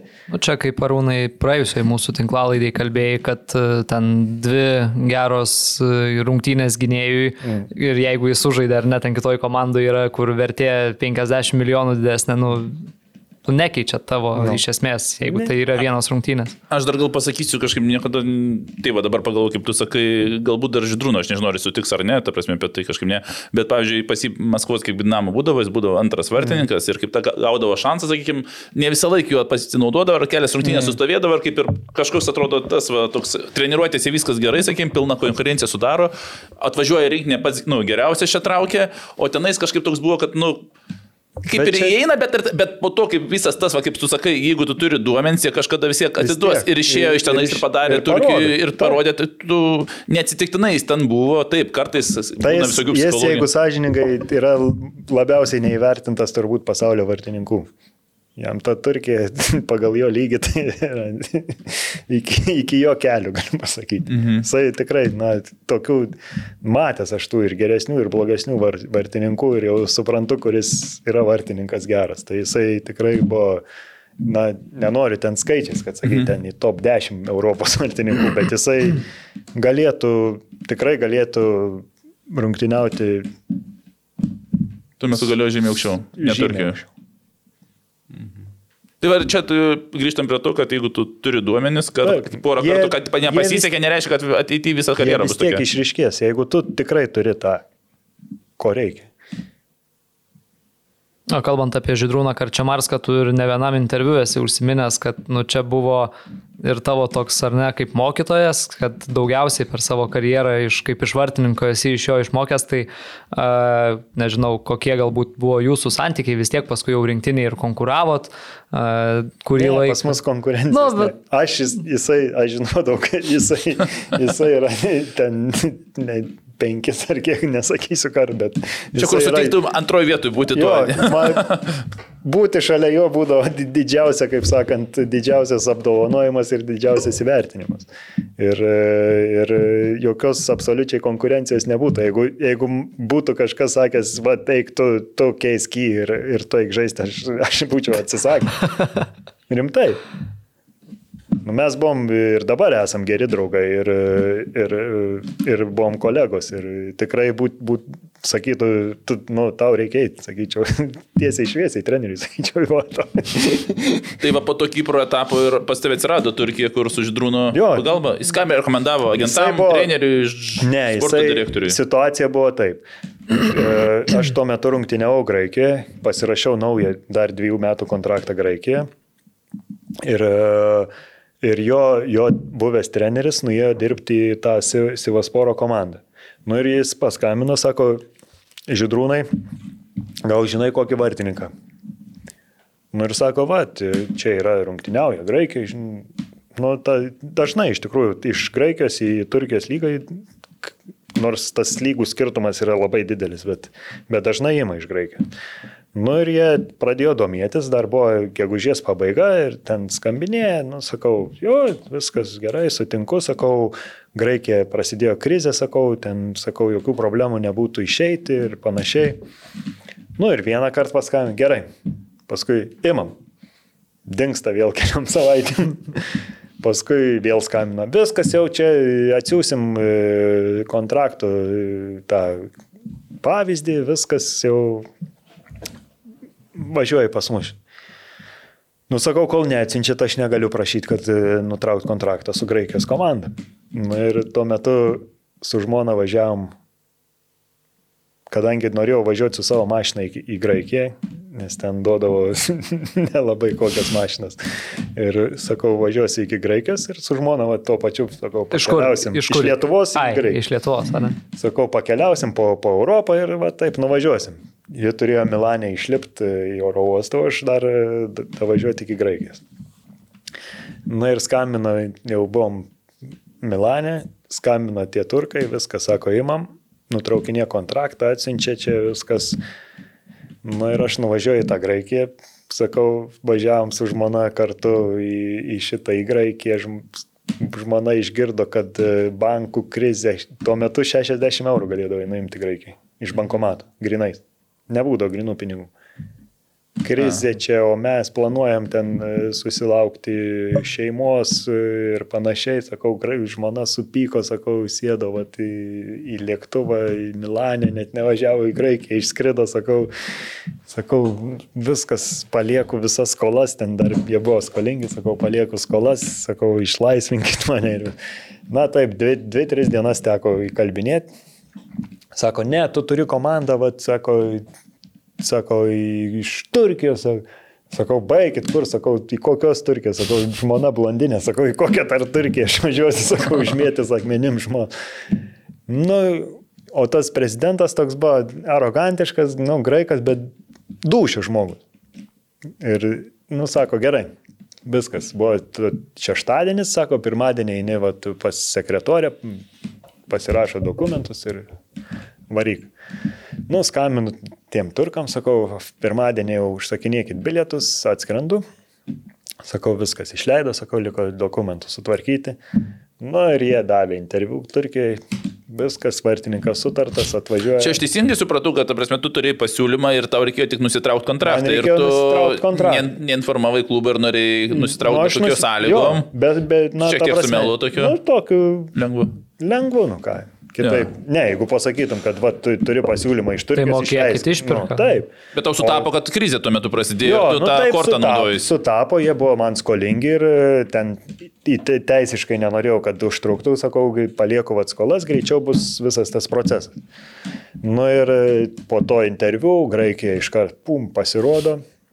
Irgi vėl viskas paskeva, čia šetkus išvyksta. Aš, aš dar nieko nemačiau, aš nesekdavau tos spaudos niekada. Ir tas prie Graikijoje prezidentas turėjo viešbutį, mes ten galėdavai ateiti, pabūti ten prie baseino dar. Ateinu, aš sėdžiu taip. Sako, eina prašau. Tai girdėjau, kad turtingu tapsiu greitai. Kaip sakau?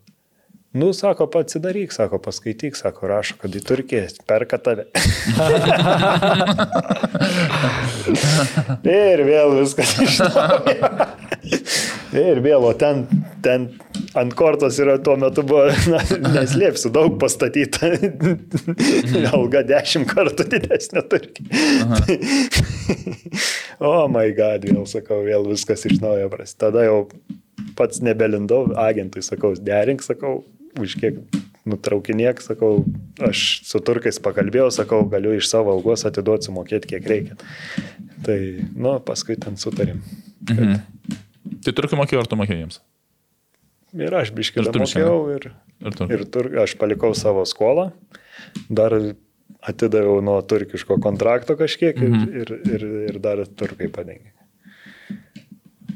Čia toks, tai... čia toks per tavo karjerą ne pirmas atvejis, ar ne, kai žiniasklaidoje kažkas pasirodo ir šiek tiek tas kortas sumaišo, e, kai uh, Olandijoje žaidėjai, ar ne, buvo kažkaip pasirodžiusių pranešimų, kad jau sutariai su Izraelio klubu, tai. tada klubas paneigė jo, viešai buvo... ir kitą dieną vėl paskelbė, kad jau išvyksti. O, Olandai sako, nu aš, man ten iš tikrųjų ne, kitaip tikėjau, aš turėjau Turkijoje kontraktą, o Olandija, na, ta prasme, vakarų Europo buvo visą laiką tas, tas mano tikslas, kur va, ten noriu nesvarbu, pinigai, svarbiausia ten. Va, nu, tokia mini svajonė, galima sakyti. Ir Turkija turėjau aš dar kontraktą, mes iškritome į, į antrą lygą, bet e, jie norėjo, nu, sutarėme, kad nusimažinsiu, bet, e, nu, ten į detalės nelysim. Buvau sutaręs ir Ir irgi ta pati istorija, sakau, buvo savaitgalis, pirmąjį turėjau su turkais persirašyti naują kontraktą kitom sąlygom ir savaitgalis kamina iš Olandijos. Na, aš sakau, tiek tokia, pas mane toks atlyginimas, sakau, sakau, Olandija, nu, nėra šansų, kad gali Olandijai mokėti. Ne, ne, ten yra kinietis savininkas ir viskas, viskas įmanoma. Nu, sakau, gerai, ką, svajonės išsipildymas. Nu ir, ir nuvažiuoju į Olandiją, pasirašiau, bet aš įsivaizdavau, kad ten viskas yra aukštam profesionalumo lygiai. Tai buvo, tikiuosi, neišgers, bet vartininkų treneris realiai nemoka spirti. Kamuolį. Pats Nuo vartininkas. nu, žemės, kaip tu nemokėjai 19 Jo. metų. Bet jam jau, bet jam jau virš 50, tai jis jau ir neišmoks. Vėl išmokti. Tai, Kad tėvas jis nematė. nu, tai aš šokė. Jisai ateina treniruotės, va tą, tą, tą darysit, nespiria net kamulio. Nu, taip. Pažiūriu ir. Nu, iš pradžių dar taip, sakau, išgyvensiu, bet paskui jau tas, ta, tas dingo ta, toksai, kad va, Olandija pagaliau čia svajonė dingo ta en, en, entuzijazmas toksai ir po to grįžti į realybę ir, ir matai jau, kas tikrovė, kas iš tikrųjų vyksta. Tai Čia, ten- kur žinai, tas, e, kur nesutik savo vaikystės herojų, tai čia panašiai. Ten, atsis, nu, ten yra keistų dalykų iš tikrųjų. Ten treneris aiškina, analizuoja, pavyzdžiui, rungtynės, rodo klaidas jaunimui. Ta 18 metų šoka, čia pradeda ginčytis vos nesu treneriu, jisai gali pareikšti savo nuomonę laisvai pasiūlyti, nu, ta laisvė viskam yra, nu, viskas išsidėsto ten 5-0 pralaš- pralaimėjom, geria Coca-Cola, hihi, haha, visi džiaugiasi, nu, pralaimėjom, rytoj gal laimėsim. Man nebuvo to, ne, nejauti to sportinio pykčio, man tas iš tikrųjų nepatiko ir, ir aš sakau, kad Olandija. ne. O čia, manai, visoji šaly taip ir Aš kitose kalbėjau, komandose tikrųjų labiau buvo, buvo, žaidė, tokio? buvo žaidėjas, kuris buvo rungtyniavęs Olandijos rinktinėje, Feyenoordo komandoje. Kalbėjau su juo, sakau, sakau, nu, bet čia taip negali būti, sakau. Nu, Čia Olandija, futbolo šalis, sakau, kaip. Ne, sako, tuose vat, e, penkiose, tenais šešiose komandose yra kitaip visai. O to, sako, tos žemesnės, sako, jos labiau žiūri į kaip išugdyti talentą, mm. kaip, kaip par, jį nu, parduoti. Parduoti galima ir gyventi. Jo, Šito. jų toksai sako, jie žino, kad čempionais netapsi niekada, viskas užimtas tos vietos, o ten na, ar aukščiau, ar žemiau. Tai to tokio sportinio, sportinio to tokio pykčio trūko tenais man. Bet šiaip pačiam asmeniškai sezonas visai ten Na, neblogas jis iš tikrųjų įdomus buvo ir Stadionas Tiek, naujas, kad- ne? tai ten visi tokie, nu, nu, Bet buvo Danhainė naujas. ten buvo. Apinai. Pinulis? Susimaišiau, Čia, susigyvenau. čia Lietuvoje ste, Lietuvoj stebina stadionas naujas. Ne, tuo metu nebuvo pastatytas ką tik. Ne, Ne, tada sumaišiau. ne, nu, ką aš žinau, miestu. 3-4 metai gal. Ne, nu, taip. Naujas. Man, man nesu matęs. Ne, aš Odo Denhagė buvau peržiūroj, anksčiau nebuvo. Nebuvo, Nebuvo, jo. buvo Tai, kitam. aha. Ai, tu buvai tos Odo- komandos peržiūrai? Jo, jo. mhm. Buvo, bet būtum pa, iš- kartu sužaidė. Ne, ten buvo, aš sužaidžiau, kaip ir viską tarko ir sako, tarp savęs ir serba rinksis. Mm. Ir po to man pasakė, kad treneris su serbu yra dirbęs ir sako, ačiū. Sekantys. Tai va. O grįžtant e, prie tos istorijos, kad dėl Izraelio perė, tai jo, nu, Olandai sako, nu, viskas, jokių problemų, gali nemokamai išeiti, sakau, važiuoju tik apsižiūrėti Izraelį. Sakau, apsižiūrėsiu, kaip, sakau, neįsivaizduoju, kas, ką, ką ten galima matyti, ką pamatysiu. Nu, atvažiavau, atvežė į tą bazę Izraelį, pamatau, ten langų nėra. langų nėra, toks apgrivęs stadionas, nu, kokių, nežinau, 70 metų, treniruočio aikštė, aikštė, žolė, žolės irgi beveik nėra, sakau, veškit atgal į oro uostą, net nejau, sakau, važiuojame į oro uostą. Ne, ne, ne, ne, ne, palauk, sako, nuo rugsėjo mes pereisim į naują, sako, į naują treniruočio kompleksą, jau sako, nu, nuvažiavam, ten aprodė jau. Naujas tikrai buvo tai. Tai, nu, sakau, viskas, sakau, Olandam paskambinu, sakau, atsiųskit raštą. Tai jie tada pradėjo, ką jūs galvojat, nemokamai rinktinės, Lietuvos rinktinės vartininką paleisim čia dabar nemokamai. mes. Na, pradėjo ten blepuoti, bet galiausiai paleido. Nes jo, buvo ta situacija, jo. kad jau paskelbė, Nes, nu, tada... viskas ten, jie kaip ir to oficialaus rašto nedavė, bet ten, nu viską, jokių, ta prasme, turėjo būti, ne, nebūti kliučių, o paskui prasidėjo dėrybos. Lažybos, lažybos, lažybos, optibet. Dalyvavimas azartiniuose lošimuose gali sukelti priklausomybę. Tavo karjeroje tokios šalis, ar ne? Kipras, Turkija, Graikija, Izraelis. E, kalbėjom čia pas mumis Karvidas Novikovas buvo, kad jam vat, patinka, ar ne, tos šalis, kur geras klimatas, šilta, e, karštis. Tau irgi, ar čia tiesiog taip karjera ėjo, kad va, į tą šalis sukrito, sukrito ir viskas? Ar man, irgi... Man asmeniškai labiau patiktų Anglija, Ispanija, Italija. Vokietija, na, Vokietija gal netiek, bet labiau Anglija ir Ispanija ar Italija rinkčiau, bet, bet e, čia, kaip sakant, drambliuko svajonės, jeigu grįžtant prie realybės, tai aišku, tas klimatas, klimatas turi savų pliusų Ypač, sakyčiau, apie Izraelį, kadangi nėra tolimų išvykų, nėra tolimiausia išvyka yra 150 km. Ir e, tu net tau net nereikia į viešbutį važiuoti ten iš vakaro ar ką, kažką, nes mane bėsindavo iš tikrųjų tie visokie išvykimai dieną prieš ir ten nakvoti. Tai Turkija, ar net tokių turbūt? Turkija net dvi dienas prieš išvykdavo nes dauguma žaidėjų gyvendavo, būdavo iš kitų miestų, gyvendavo bazėje. Na, to, ta bazė iš tikrųjų, na, ne penkių, gal keturių žvaigždučių viešbutis, sakykime, kiekvienas žaidėjas turi savo kambarį ten, na, aukštam lygiai. Ir, ir jie toj bazėje gyvendavo, bet juos atsibosdavo jiem. Tai treneriai irgi gyvendavo ten. Na ir ką, galimybės yra, kodėl ne, važiuojam į viešbutį dviem, dvi dienas prieš pagyvensim. okay. nu, ar, ar daug komandų iš Stambulo? Iš Stambulo, dauguma žaidėjų iš Stambulo. Važiuojam į Stambulą dvi dienas prieš. tai iš, iš, tada šeimos nebuvo, iš tikrųjų viskas gerai, žmona irgi iš paskui vyksta su kitu lėktuvu. tai viskas gerai, o jeigu reikėtų su, su vaikais būti ir, ir dvi, tris dienas atskirai būti, na, tikrai atsibosdu. Bet dar pereisim, ar ne, prie, tų, prie Izraelio, žaidimo Izraelyje. Kaip keičiasi futbolininko karjera, kai atsiranda vaikai? Nu, va, čia šiaip ar net pateikiai pavyzdį net, dėl kelionės, pavyzdžiui. Šiaip gyvenimas. Nu, jo. Keičiasi. Bet uh, aišku, galbūt uh, vis tiek tenka praleisti ir be mėgių naktų. Tas iš tikrųjų turėtų, turi neigiamą įtaką.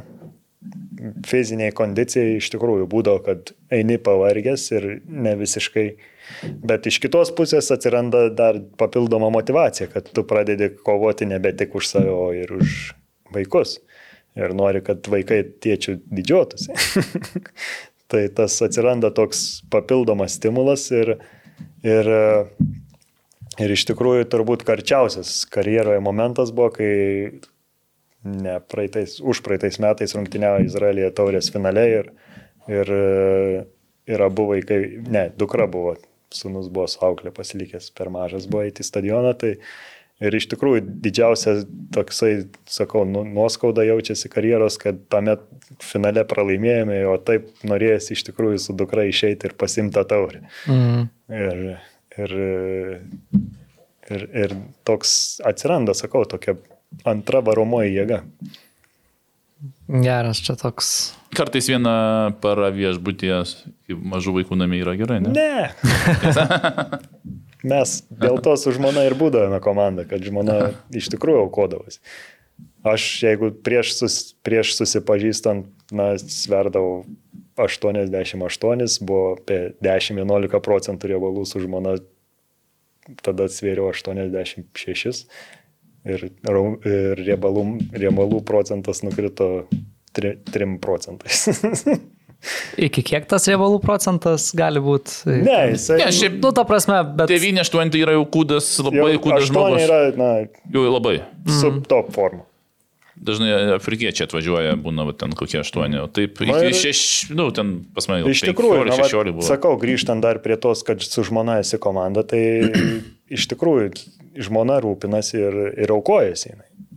Visų pirma, aukoja savo gyvenimą, kadangi ji sutinka išvykti su tavim į kitą šalį gyventi, na, kitoje šalyje kažkokios karjeros irgi nepadarysi. Mano atveju, mano žmona studijavo teisę, ji iš teisininkų, mama jos yra na, iš, susijusi su, su, su e, teisininko profesija, tai jinai irgi norėjo sekti pėdomis, o vat, taip nu, nukirtau, kaip sakant, visus. Ir, ir, ir, ir, ir viską paukoja ir išvyksta paskui. Na, ir, ir, ir to karjeros metu jinai rūpinasi tavim ir, ir taip tampi komanda. Izraelyje trys miestai - Haifa, Birševa ir Tel Avivas. Kur, kur geriausiai? Kur geriausiai įsiminimai? Tel Avivė, aišku. Nes visas Izraelis yra apie Tel Avivą. Visur iš tikrųjų yra daug įdomių vietų, bet gyventi tai vienareikšmiškai tik Tel Avive. O grįžtant prie futbolo, tai Hapoel Haifa buvo pirmoji komanda ir e, ji nebuvo priskiriama prie tokių lyderiaujančių komandų, nors ten pagal biudžetą jie gana aukš, aukštą vietą užimdavo, bet jai vis kažko trūkdavo.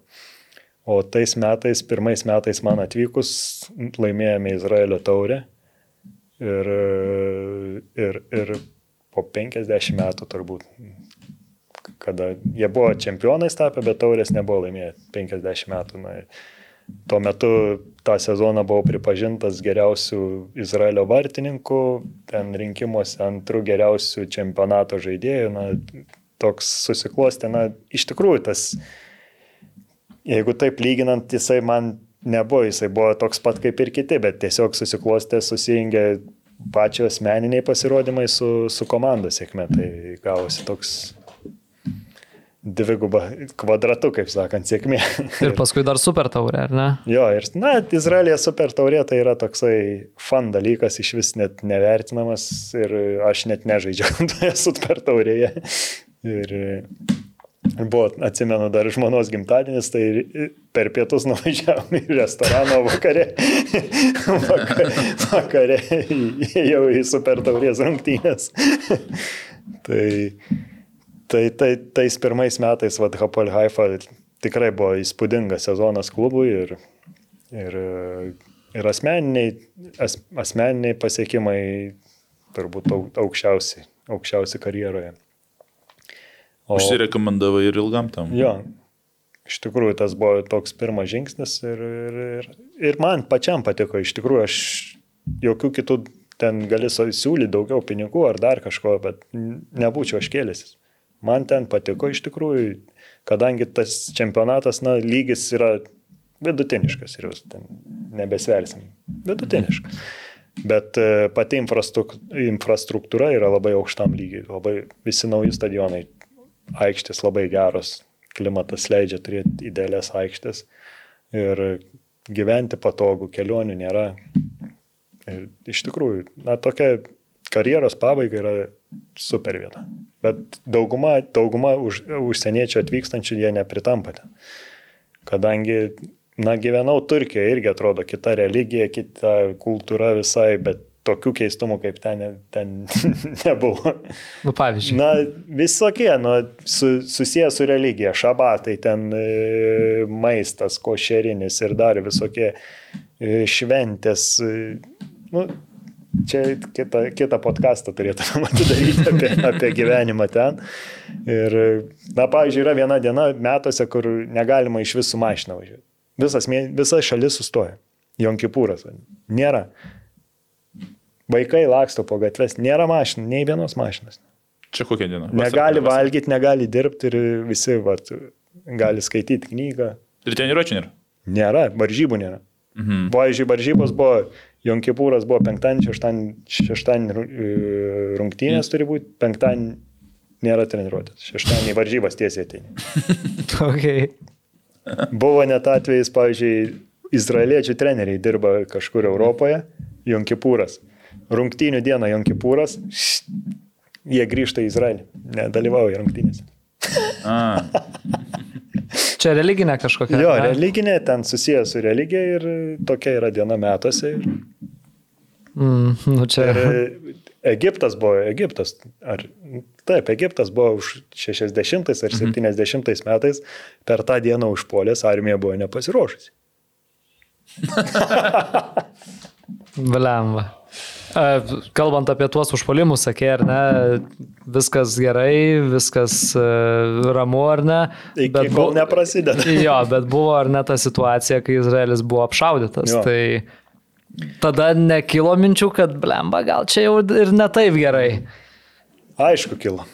Bet e, atvažiavus į Izraelį iš karto jau ten esi supažindinamas su taisyklėmis, kad gali visada bet kuriuo momentu ten kažkas prasidėti, yra ten tie taip vadinami safety rūmai, bunkeriai lietuviškai, tokios kiekvienam, kiekvienam būte yra, jie kiekvienam name yra ir viskas supažindinama, bet tu, kad ir kaip tai būt, atrodo, esi pasiruošęs, bet kai tai prasideda, viskas vėl kitaip pradedi, mes tuo, tuo metu gyvename 40 aukšte ir, ir pradedi girdėti, kaip puf, puf, puf, nes Izraelis turi tą Iron Dome skydą, kuris numušinėja tas raketas ir numuša 90 procentų. Ta tikimybė, kad tave ten kažką pataikys į tavo namą ar dar kažką, na, minimali, labai minimali. Bet tas jausmas e, vis tiek gyveni aukštai ir atrodo, išėjau į balkoną, žiūri virš, virš balkono debesis, numuštų raketų. O tas e, kambarys kaip jis atrodo, metras ant metro kaip jis? Ne, jisai yra normalus kambarys. Aha. Ten buvo mūsų vaiko kambarys, bet yra plėninės duris. A, plėninės duris, ne? Jo. Ir visos sienos, net yes. vidurė yra tokia kap, kaip metalinė kapsulė. kapsulė Nu, o apdaila padaryta mhm. normali, kaip normalus kambarys, tiek, kad plėninės duris yra, langinės plėninės užsidaro. Ir Aha. prasidėjo įsijungę, tuo metu įsijungė, priklauso, kurioje esi Izraelio dalyje, mhm. bet, nu, šiaurinė iš vis ten ne, nedašauna jų raketos, mhm. jos 60-70 km tik spindulių mhm. gali šauti iš Palestino. Mhm. Tai priklauso, kurioje daly, tai ten apie minutę laiko turi subėgti į tos kambarius kiekvienas. Užsidarai. Užsidarai langi, ir tik įsijungus tai sirenai, visi pradeda per visą namą būtos langinės, metalai daužys. Ir, ir sėdi ten apie tuo metu 10-15 minučių. Trunka. Pum, pum. Net WhatsApp'e, pavyzdžiui, grupė, kurie žaidėjai, kurie gyvendavo arčiau tos gazo rožo, jau pradeda rašyti, kad va, jau parleikė raketos, o pas mane dar nėra net sirenos. Už 10-15 sekundžių įsijungia pas mane alarmas, kad jau reikia bėgti. Kaip... Ir kai, tuo metu, bet, pavyzdžiui, žmona sako, jau buvo gal penkias, kažkur penkias savaitę ar savaitę laiko iki, iki to pra, prasidėjusio karo. Mm Sako, blemba, net pasvarstyčiau galbūt visam laikui likti Izraelyje gyventi. Tai po to jau, po to jau ne. Bet su laiku vėl grįžta tas, paskui vėl nusinulinė, atrodo vėl. Pasimiršta. Pasimiršta ne? greitai. O, o, o vietiniam, kas keiščiausia, tuo metu, tuo metu žmona buvo po gimdymo ir turėjo tą holterio aparatą, kuris parą laiką fiksavo tavo kraujo spaudimą, pulsą. Ir aš jį turėjau nuvežti į ligoninę. Po karo, sekantį rytą, iš karto anksti ryte, išėjau į gal, kaip niekur nieko, visas gyvenimas tęsiasi su dviračiais, su paspirtukais važinėjasi. Jokių Sakei, kad žmona svarstė, ar ne, gal gyventi visą likusį gyvenimą, ar ne, Izraelyje, bet dabar grįžote į Lietuvą. Tai ar su visam, ar yra planas, gal nežinau, į tą patį Izraelį grįžti, apsigyventi? Realiai, ką, ką futbolas labiausiai iš manęs atėmė, tai turbūt ta, kad iš tikrųjų nebesupranti, kur yra tavo tikrieji namai. Prieš išvažiuojant ir praėjus ten parungtiniau 5-4 metus užsienyje, visada žinau, kad Lietuva ir, ir viskas. Tik Lietuvoje esu lietuvis ir gyvensiu Lietuvoje.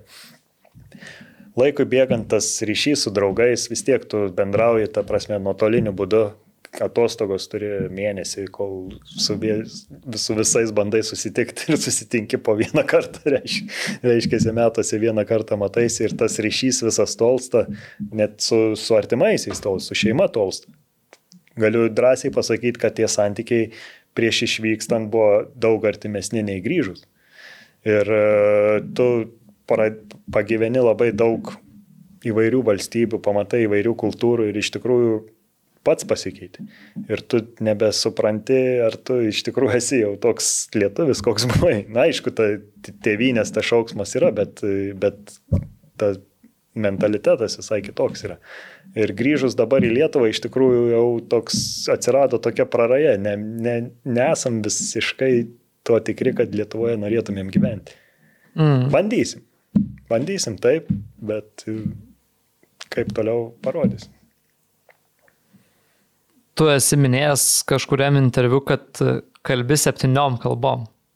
Tai gyvent kažkur užsienį nebūtų problemos. Ne, aš, aš labai imlus kalbom ir aš imlus to, kad turiu labai gerą atmintį. Atsimenu visus savo įvarčius, net per treniruotės. ir e, iš tikrųjų aš imlus ir turiu gerą atmintį ir aš įsimindau. Turki, turkiškai irgi buvau. Dabar aišku, jeigu taip reikėtų. Vat, nu, reiktų prisiminti šiek tiek. Reikėtų, na, praktikos kažkokios kelių dienų. Ir, bet aš niekada, daug yra žmonių, kurie visiškai taisyklingai nemoka ir jie net nekalba, nebando kalbėti. Aš visada, kiek mokėdavau žodžių, taip ir iš tų žodžių ir kalbėdavau. Ir taip plėtė, plėtė per dieną, vis kiekvieną dieną palaipsniui. Ir, ir mokėdavau. Iš tokių, iš tų, kur esu rungtynėvęs, geriausiai turbūt graikiškai mokėjau. Nors graikų turbūt sunkiausia kalba buvo iš tų, kuriuose šalise esu. Mm turkiškai irgi buvau pramokęs. Na, bulgariškai ten nesakau, kad serbiškai, ne, nesakau, kad yra kalba vis tiek slaviškai. Na, į rusų kažkaip į rusų, panašiai. Tai ten du mėnesiai ir tu realiai viską supranti ir viską moki. O ką, kokiu moki iš tų kalbų, kur, kur nesirūpinai? Vok, vokiškai moku iš tikrųjų, bet nežinau iš kur. Na, dažnai esu daug kartų buvęs Vokietijoje ir dabar turiu daug e, verslę, gana nemažai tenka bendrauti vokiškai, tai pavyksta. Yra minčių dar kažkokių mokytis? Kokių norėčiau, bandžiau iš tikrųjų prancūzų, bet prancūzų, prancūzų reikėtų daugiau kažkaip įdėti pastangų. Nes... Palaužėt liežuvį. Jo, iš tikrųjų, moku rašyti prancūziškai rašau. Nes okay. tenka prancūziškai, emailus rašau prancūziškai. Ir kalbėti kalbėt nesigauna, nes reikia, na, reikėtų pagyventi Prancūzijoje, kad perprasti visą tą tarimą ir pa, pajausti tą kalbos intonaciją visą. Ir... Bet norėčiau prancūziškai ir arabiškai norėtųsi. Šiaip dėl bendro išprūsimo. Kad pas Ronaldo nuvažiuotų. Bet ar tai bus, ar tai bus ne, nemanau, bet, bet jeigu taip, galėčiau pasirinkti, va, tas dvi kalbas norėčiau. E, irgi čia vienas iš tokių tavo pomėgių, ką esi kalbėjęs, kad knygas mėgsti skaityti ar ne, e, detektyvai, John Esbo, tai skaitai už, užsienio kalbom, ne lietuviškai. Ne, lietuviškai. Ai, lietuviškai. Lietuviškai. Liet... Kadangi dėl ko skait, dabar iš tikrųjų mažiau skaitau knygų. Norėjau klausti, ar laiko dar lieka. Ne, dabar, dabar realiai neskaitau šiuo metu, bet uh, kodėl pradėjau skaityti knygas? Dėl to, kad uh, padėdavo profesijoje futbolui, ypač vartininko. Tad tai būdavo tarsi tokia meditacija. Ir skaitydavo lietuviškai, kadangi, na, vis tiek tu užsienio kalbą skaitai, tada negali ant tiek atsipalaiduoti, skaitant, vis tiek tau reikia kažkokį procesą daryti, versti tą kalbą. Mhm. ir, ir skaitydavo lietuviškai ir tai būdavo tarsi meditacija. Rung, pavyzdžiui, rungtynių dieną, ryte visą dieną praskaitydavau knygą ir tada tu eini toks nusinulinęs, nebūdavo laiko, kad neturi laiko galvoti apie tas pačias rungtynės, kaip jos klostysis ir kas vyks ir, ir tiesiog atsipalaiduoja ir kad prabėgtų tas laikas. Nes baisiausia futbolininkai yra rungtynių dieną laukti, laukti to starto švilpuko. Ir kur scenarius, ar ne galvoju. O jeigu dar rungtynės vėlai vakare? Jo, ir visą dieną, nu, tu kaip ant adatų. Ne dėl to, kad tu bijai ten ar suklysti, ar tiesiog tu, ta tokia yra jauti nežinojimybė. Tu nežinai, kas, kaip jos susiklostys, o tu nori tik laimėti. O tą dieną ir tu veiklos negali labai ir daryti. Nelabai ką. Tu, tu tiesiog atrodo, tą pažiūrėjai, te, tele, televizorių, no. telefonę no. pasidėjai, o jeigu geras čempionatas arba rinkinė, tai žaidžia 8, 9, no. tai tu pusryčius, no. pietus, dar po to no. ir pusiau vakarienę spėjai pavalgyti ir vėl nėra, nėra ką veikti. No. Ir tu, o, O į ketvirtą valandą tai ten, nu. O, Man tai... labiausiai patikdavo. 12, Turkijoje, jo, taip, taip. Turkijoje būdavo vienas turas 12.30. Ne, 12 būdavo Turkijoje. Olandijoje būdavo 12.30, tai man idealiausias. Nu, aš taip ir galvoju, kad tik tu Lietuvoje. Atsibudai pusryčius, pūkštiesi į, į stadioną, sužaidėjai visą dieną laisvą. Tai prie knygų, John Esbo, kas dar? Kas tokių A. išmėgstamų? Šitas die, dievas vaikšto inkognito, jeigu. Mm. Skaičiau. Šitą. E, Paskui labai patiko, tik dabar nepasakysiu net pavadinimo. Kažkoks auksinis bilietas ar kažkaip, jeigu esat skaitę. Ne, šitas neskaičiau. Yra labai įdomi pamokanti knyga. Auksinis gyvenimo biletas? Taip. Mm. O šiuo metu laukiu dar, kol išleis apie Harry Hulę. Džonės.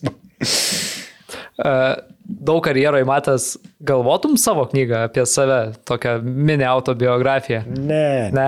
Aš nesu tiek pasiekęs iš tikrųjų, kad kažkam. Nu, bet čia, žinai, tiesiog. Galbūt iš- kažkada socialinėje erdvėje, gal tokį planą turiu, kad pasidalinti kažkokiam, kiek, kiekvieną, pavyzdžiui, sekmanį, pasidalinti kažkokiam istorijom ar kažkokį faktą įkelt apie iš karjeros. Labai, labai, Sveikintinas. labai sveikintinčiau, sveikintinas Bet dalykas. tam reikia jo. turėti laiko, kadangi dar, darbadieniais daug dirbi ir savaitgalį nori tiesiog nuo visko atsiriboti ir nesinorėtų imti vėl telefoną ar kompiuterį ir kurti kažką. Nes atmestinai irgi taip nesino, nesinori daryti, tai bet gal kažkada. Dar aš vat vieną pabaigai tokį nuo savęs dalyką esu pasižymėjęs, irgi iš to paskutinio interviu, kur Aurimui Budraičiui davėjai, kad per tiek metų to futbolo pavargai nuo viešumo. Kaip futbolininkai, nu, ta prasme, tu vis tiek užsienį žaidėjai, tai ten ypatingai turbūt Izraelyje, Turkijoje to dėmesio yra, nu, kur kas daugiau, čia Lietuvoje rungtyniaujantis futbolininkai su tuo tikrai nesusiduria. Kiek tas viešumas, vat, sportininką ar ne, nežinau, vargina, kiek tai trukdo galų gale galbūt. Nu, tai yra darbo dalis, bet... Nuo žmogaus yra žm- žmonių, kuriem tai patinka ir tai yra kaip dopingas, atsiprašau. Mm. kuriem tuos, juos, jiem, jiem patinka, ta prasme, aš eina bet kur, bet jeigu ten net aš esu tas, tas, man čia tą padarykit ir taip toliau. Aš toks nesu, aš esu toks, kaip sakant, kaip kare sniperis stilus ir darau savo darbą. O ir mane tas va- vargindavo, nes, pavyzdžiui, na, net negali sulys, galėtum bandyti lyginti su Lietuvoje krepšininkais, bet Lietuvoje žmonės visai nėra netokie kaip Izraelija. Ir Ten atpažįsta tave, bet jisai, na, gal ten paprašys nusifotografuoti. Taip bet- nedrąsiai prie. Taip e, nedrasu, toks atstumas. O Izraelija ar Turkija nėra jokio atstumo. Ir jie, pavyzdžiui, aš sėdžiu restorane, valgau ir e, ateina kažkas, vat, šetkau, labas, aš gali nusifotografuoti, jeigu dar net nenusifotografuoti, gal gali video pasakyti ten sveikinimą mano sūnui ar dar kam nors. Nu ir taip diena iš dienos. Nes Izraelija, na, iš, Izraelija iš tikrųjų žin, tą Izraelio futbolą išaukština vietinė žiniasklaida. Ten antiek yra užsukta viskas. Antiek tas futbolas yra ne tiek, kad futbolo lygių, bet ta prasme, kaip produktas sukurtas šalyje, kad dėl to ir atsiranda ir rėmėjai yra ir viską, Taip. nes labai, labai, nuš... na taip, ne, nei vienoje šalyje nemačiau, kad tai būtų nu- nušviesta žiniasklaidoje kaip Izraelį. Ir ten, kadangi teko rungtyniauti Berševoje, Berševa buvo tris kartus iš eilės čempionai ir Hapoel Tel Avivas, tai yra, na, pagal paskutinius metus, aišku, jie ten išgyvena tokią duobę, bet flagmanas, sakykime, Izraelio futbole. Tai, na, tekdavo sulaukti to dėmesio tikrai daug ir, ir tas pradėdavo erzinti. Eini, išeini po miestą pasivaikščioti ir ten, sakykime, jeigu taip realiai paskaičiavus, kokį 50 kartų tave sustabdo per, per, per valandą ar dvi. Na ir, ir tas atsibosdavo. Nu, aš įsivaizduoju, Kartais, kad... kartais sakydavai, ai, aš niekur neįsiu geriau pasėdėti namuose ar dar. Mm. Turkija iš viso, Turkija ten kita kultūra. Kadangi gyvenau, nu, toks pro, pro, provincijos miestelis 200 tūkstančių, taip sakykime, bet provincija. Ir ten, nu, tikra tokia, kaip sakant, žemėlapyje net sunku surasti. Ir žmonės tie iš tikrųjų tokie dar nepaveikti tos to šio laikiškumo, kaip galima sakyti, tokie Tik to, ko nepavykti. tik toko ir visų tų tokie buvo tikri žmonės, na, tik, tikri žmonės su tikrais jausmais, jokių peidmainyščių. Tai su žmona išeidom ir būdavo tokia centrinė gatvė ir išeinam ir kokie 20 vaikų eina paskui. Su apsauga. Jo. So, mes išliu, iš mašinos išlipė ir kur eini ir jie paskui. Pa, pa, pa. ir vaikšto. Na, ja. E, viešumo kaina. Taip. Tokia dalia. Ne, dėl to, dėl to, nes ne tik futbolas, sportas, dėl to, yra, dėl to ir yra tas sportas, kadangi visa komercija sukasi aplink jį ir tai yra part of the game. Nu, tikėkime, kad ir Lietuvoje kažkada. Ne 20, bet jau 2. Vaikai už nugaros. Ką, gerai, Ernestai, ačiū tau labai, kad atvykai pas mus. Minėjai, kad dar yra tų istorijų, galima Jo, apie kažkaip- Izraelį atskirą podcastą Čia- daryti, ar ne? Ne, reikėtų iš tikrųjų labiau pasiruošti ir dar tų tokių, galbūt kitoje laidoje sudalyvausim ir atkasim tų tikrų istorijų, kurias galima, na, ten nesigėdėjant, aišku, to, to, išsakyti nuomonę apie visus, apie dalykus, kuri galbūt kitiem nepatiks, bet, bet jinai tokia yra, yra tokia ir galima, sakau, kažkada sugrįžti. Šiaip buvo labai malonu sudalyvauti laidoje, su buvusiu vat, kolega pasimatyti. Vis dar, kaip sakant, tai aš vartininkas, jis gynėjas. Atstumas, Ryšys atstumas likęs. Saugom vienas kitą. Vienas kito klaidas. Tvarko. Jo, šiaip tikrai, Ernestai, labai, manau, žiūrovom, kas žiūrėjo, tikrai patiko, man pačiam tikrai labai patiko ir mes dar laidos buvom kaip pagal... Klausimų nebuvom pradėję, buvo valanda praėjus, Lukai, teisingai. Net ne, ne, ne, nežengėme, į, kaip sakai, pavadinti, į scenarijų, o jau valandą praėjom, prasikalbėjom, tai manau, kad tokie ir įdomiausi pokalbiai ir džiugu, kad... Ne, nu čia ir dar vienas geras pavyzdys, Ernestas, nu, kur sportininkas, futbolininkas, turintis iškalbą, turintis ką pasakyti, gerai dėstantis mintis, tai Tokius mes pasižymėm. Per, per, per 20 metų yra ką pasakyti. Tokius mes pasižymėm sąraše ir kviečiam. taip, tai tvarkoj. Na, Manau, dar, dar pasimatysim. Pasimatysim. Sakau viso. Jeigu iki turi istorijų, mes tik tai už, mes tik Ne, tai tai už. istorija yra, sakau, dar čia. Tik reikėtų labiau. Dabar pasiruošti. gyveni, ne? Na, Būna. darbo dienom palangoje, savaitgaliais Vilniuje. Kai Vilniuje vat, gyvensiu pastoviai, tada. Tada užsirašyk numerį. šitą mes tikrai pasižiūrim. Pasižymim. Gerai, e, podcastas buvo su jumis, Arūnas Klimavičius, aš Lukas Gintautas ir šiandien mūsų svečias buvo Ernestas Šetkus. E, Žiūrėkite mūsų YouTube, Spotify, klausykite Spotify, klausykite Podbean ir iki kitų kartų. Tik to, ką neturi. Ne, ne. Dar ne.